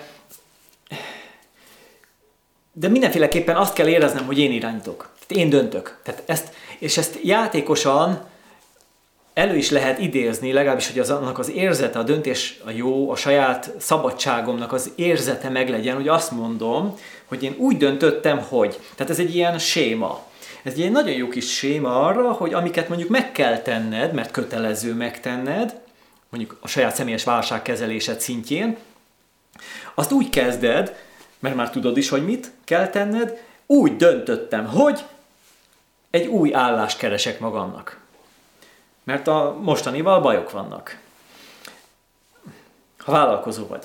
Úgy döntöttem, hogy leépítem a cégemet. Úgy döntöttem, hogy egy új piacra fogok összpontosítani. Úgy döntöttem, hogy teljesen profilt váltok. Úgy döntöttem, hogy megszüntetem a cégemet, és egyéni, szabadúszó vállalkozóként fogok tovább dolgozni ezentúl.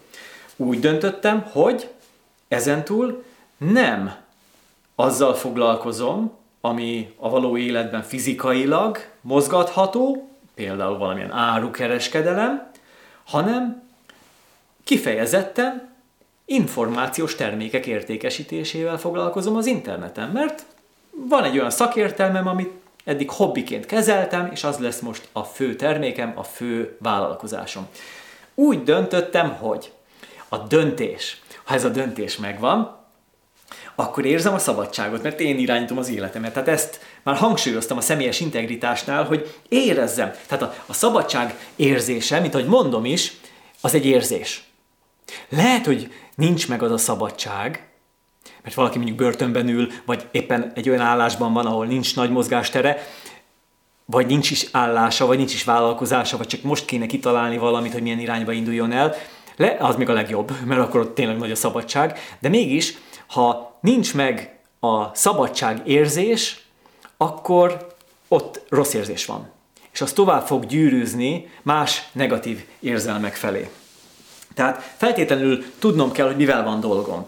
Ugye a környezet az előjön, tehát az, hogy közvetlen környezetemmel milyen dolgom van. Most karantén idején ez nagy probléma, mert sokan eddig arra vágytak, hogy bárcsak minél több időt együtt tölthessenek azokkal, akiket szeretnek, a családjukkal. És most, hogy minél több időt együtt is kell tölteniük a családtagjaikkal, most derülnek ki azok a problémák, amelyek ott van a kapcsolatban probléma összetűzések, és ez, ez a nagy probléma. Tehát most kiderül az, hogy mégsem olyan jó az az állapot, amire addig korábban vágytak.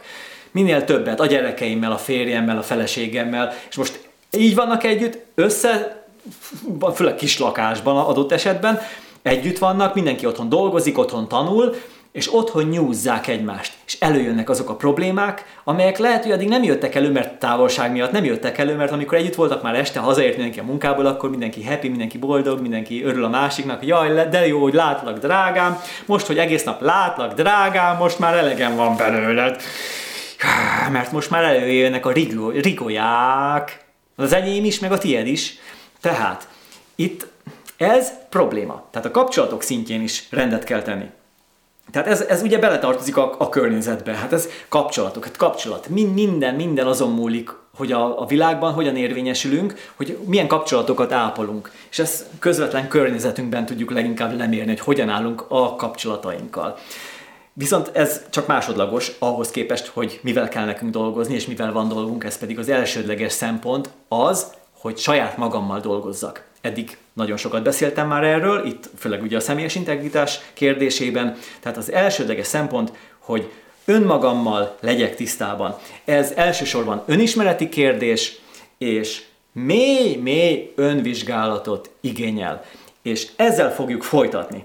Még van jegyzetem bőven, de most elköszönök, mert ki kell mennem, és akkor majd itt lassan sötét is lesz, csinálok egy kis világítást, hogy jobban lehessen engem látni, és itt folytatjuk.